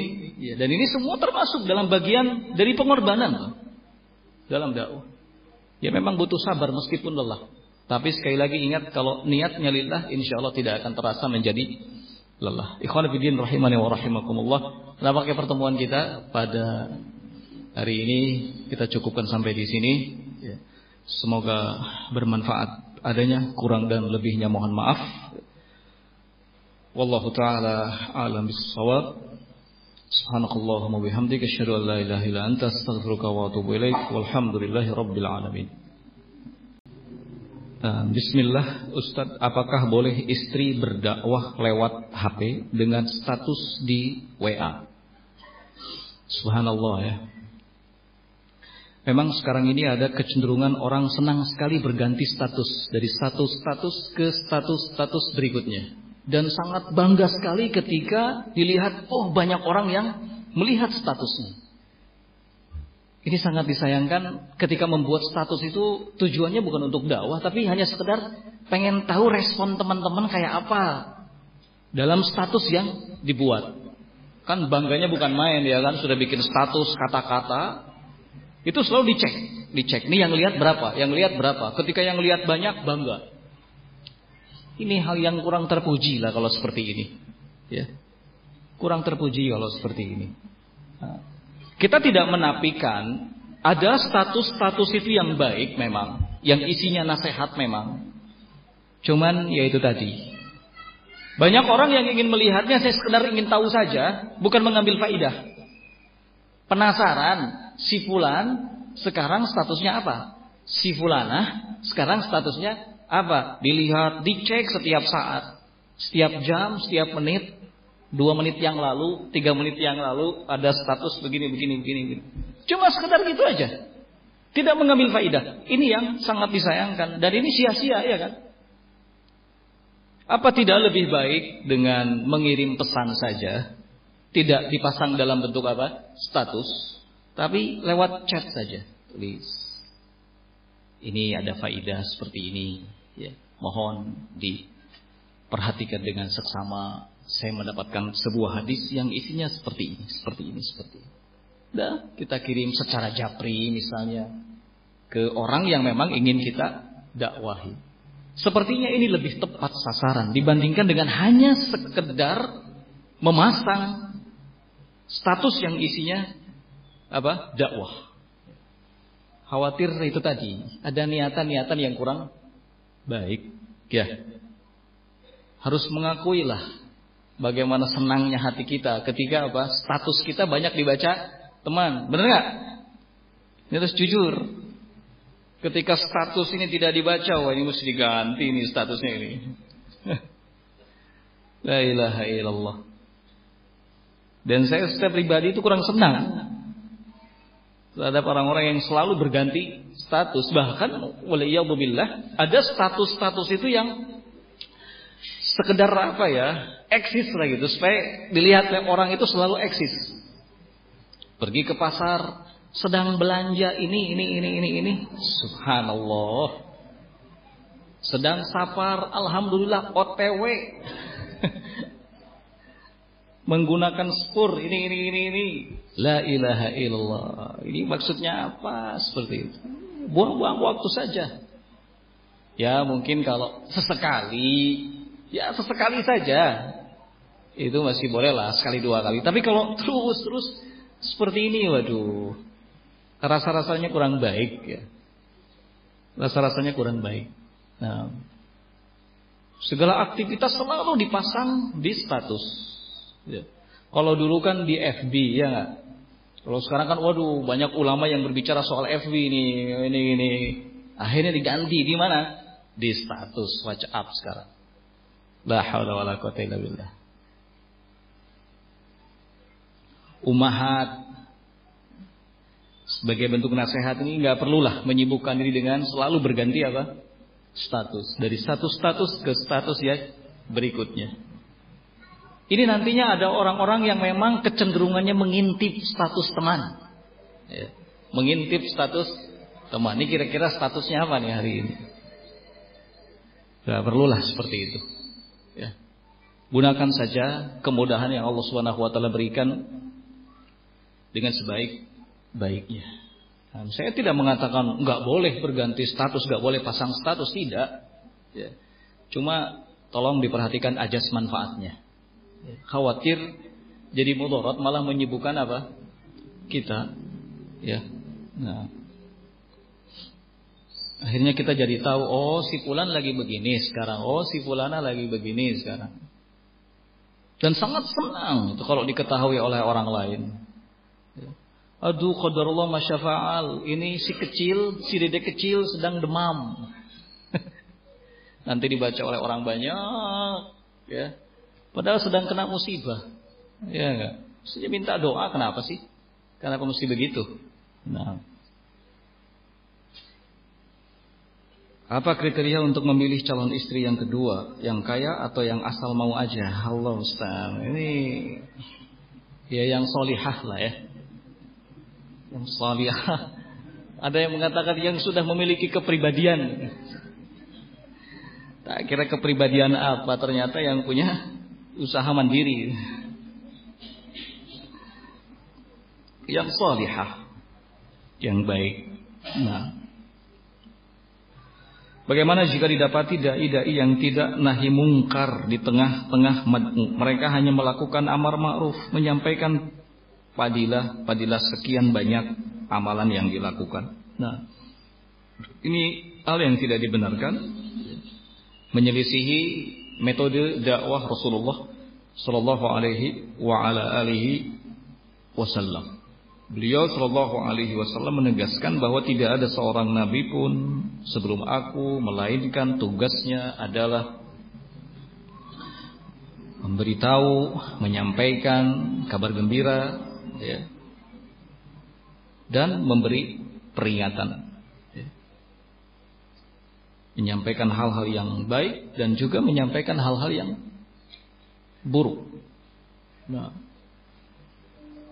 jadi di samping ada kewajiban bagi dai ilallah menyampaikan hal-hal yang ma'ruf, juga ada kewajiban untuk menyampaikan hal-hal yang mungkar tujuannya agar tidak ada seorang pun yang mendekati hal-hal yang mungkar tersebut. Oleh karena itu enggak tidak pernah dipisah ya antara amar ma'ruf dengan nahi mungkar selalu disebut bersamaan. Al-amru bil ma'ruf wan nahi anil mungkar. Amar ma'ruf dan nahi mungkar. Nah, ini pertanda bahwa dua hal tersebut sejalan secara beriringan. Nah, berapa lama waktu antara melamar akhwat sampai dengan menikahinya? Ya, si, saya ini bukan konsultan soal ini. Bolehkah jika, bolehkah jika waktunya berbulan-bulan? Seseorang memilih sesuatu yang paling baik saja, ya. Ketika memang ada keinginan menikah, ya dipikirkan dulu segala sesuatunya sebelum keinginan tersebut diwujudkan.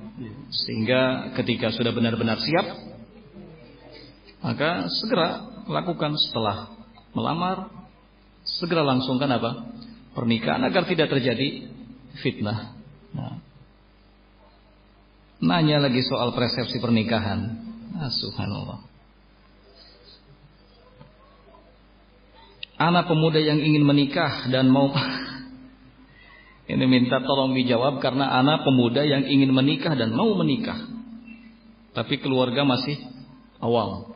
Semoga Allah Subhanahu wa taala memudahkan ya, memudahkan antum yang ingin menikah. Tapi yang jelas persiapkan segala sesuatunya. Makanya Nabi alaihi salatu wasallam juga menghimbau ya, para pemuda untuk menikah tapi dengan apa? Dengan persiapan. Man istata'a minkumul ba'ah fal yatazawwaj. Ya ma'syaras sabab, wahai sekalian pemuda, barang siapa yang sudah mampu, lihat, memiliki kemampuan, Nabi tidak hanya sekedar menganjurkan untuk menikah saja, tapi juga memperhitungkan segala sesuatunya. Ya masyarakat syabab, man istata'a minkumul ba'a falyatazawwaj. Kalau memang sudah mampu lahir batinnya menikah. Segera lakukan pernikahan. Kalau tidak, ya berpuasa lah. Ya. Nah, bersabar. Butuh pengorbanan juga, ya kan? Sabar dan juga butuh pengorbanan. Dalam hal apa pun, tidak hanya dalam hal dakwah, dalam sekecil apa pun yang itu menyangkut kebaikan butuh pengorbanan, butuh usaha.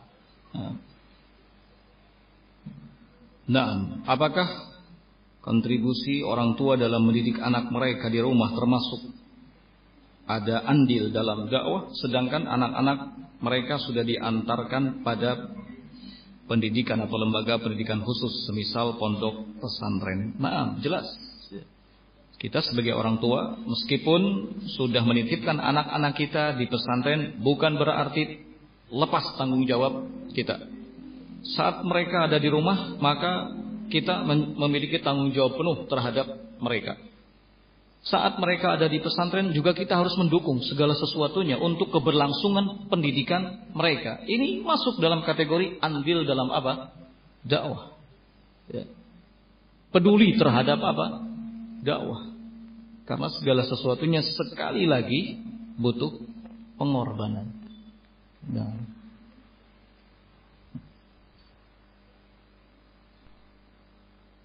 Jika ahlu sunnah wal jamaah cuma sekelompok kecil, apakah selalu tidak bisa menjadi kelompok yang banyak?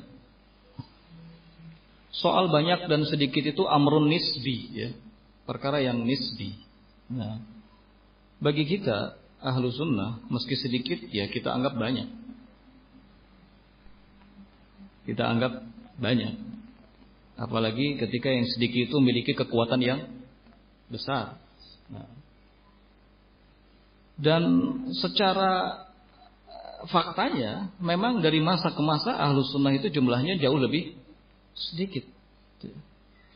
Ahlul batil yang jauh lebih banyak dari masa ke masa. Nah, oleh karena itu kita tidak boleh berkecil hati. Nah, dan para salaf sudah mengingatkan kepada kita bahwa jumlah kita memang sedikit bahkan Nabi ya menyebutkan kalau kita itu taifah sekelompok umat yang sedikit. Nah, makanya Nabi alaihi salatu wassalam mengubah paradigma orang-orang jahiliyah dulu. Ketika mereka punya penilaian kalau kebenaran itu ketika jumlahnya banyak. Dalam sesuatu kalau jumlah pengikutnya banyak berarti itu benar. Ini paradigma orang-orang jahiliyah. Ditentang oleh Nabi Shallallahu alaihi wasallam. Islam tidak punya penilaian yang seperti itu. Insya Allah cukup ya. Kita cukupkan sampai di sini. Assalamualaikum warahmatullahi wabarakatuh.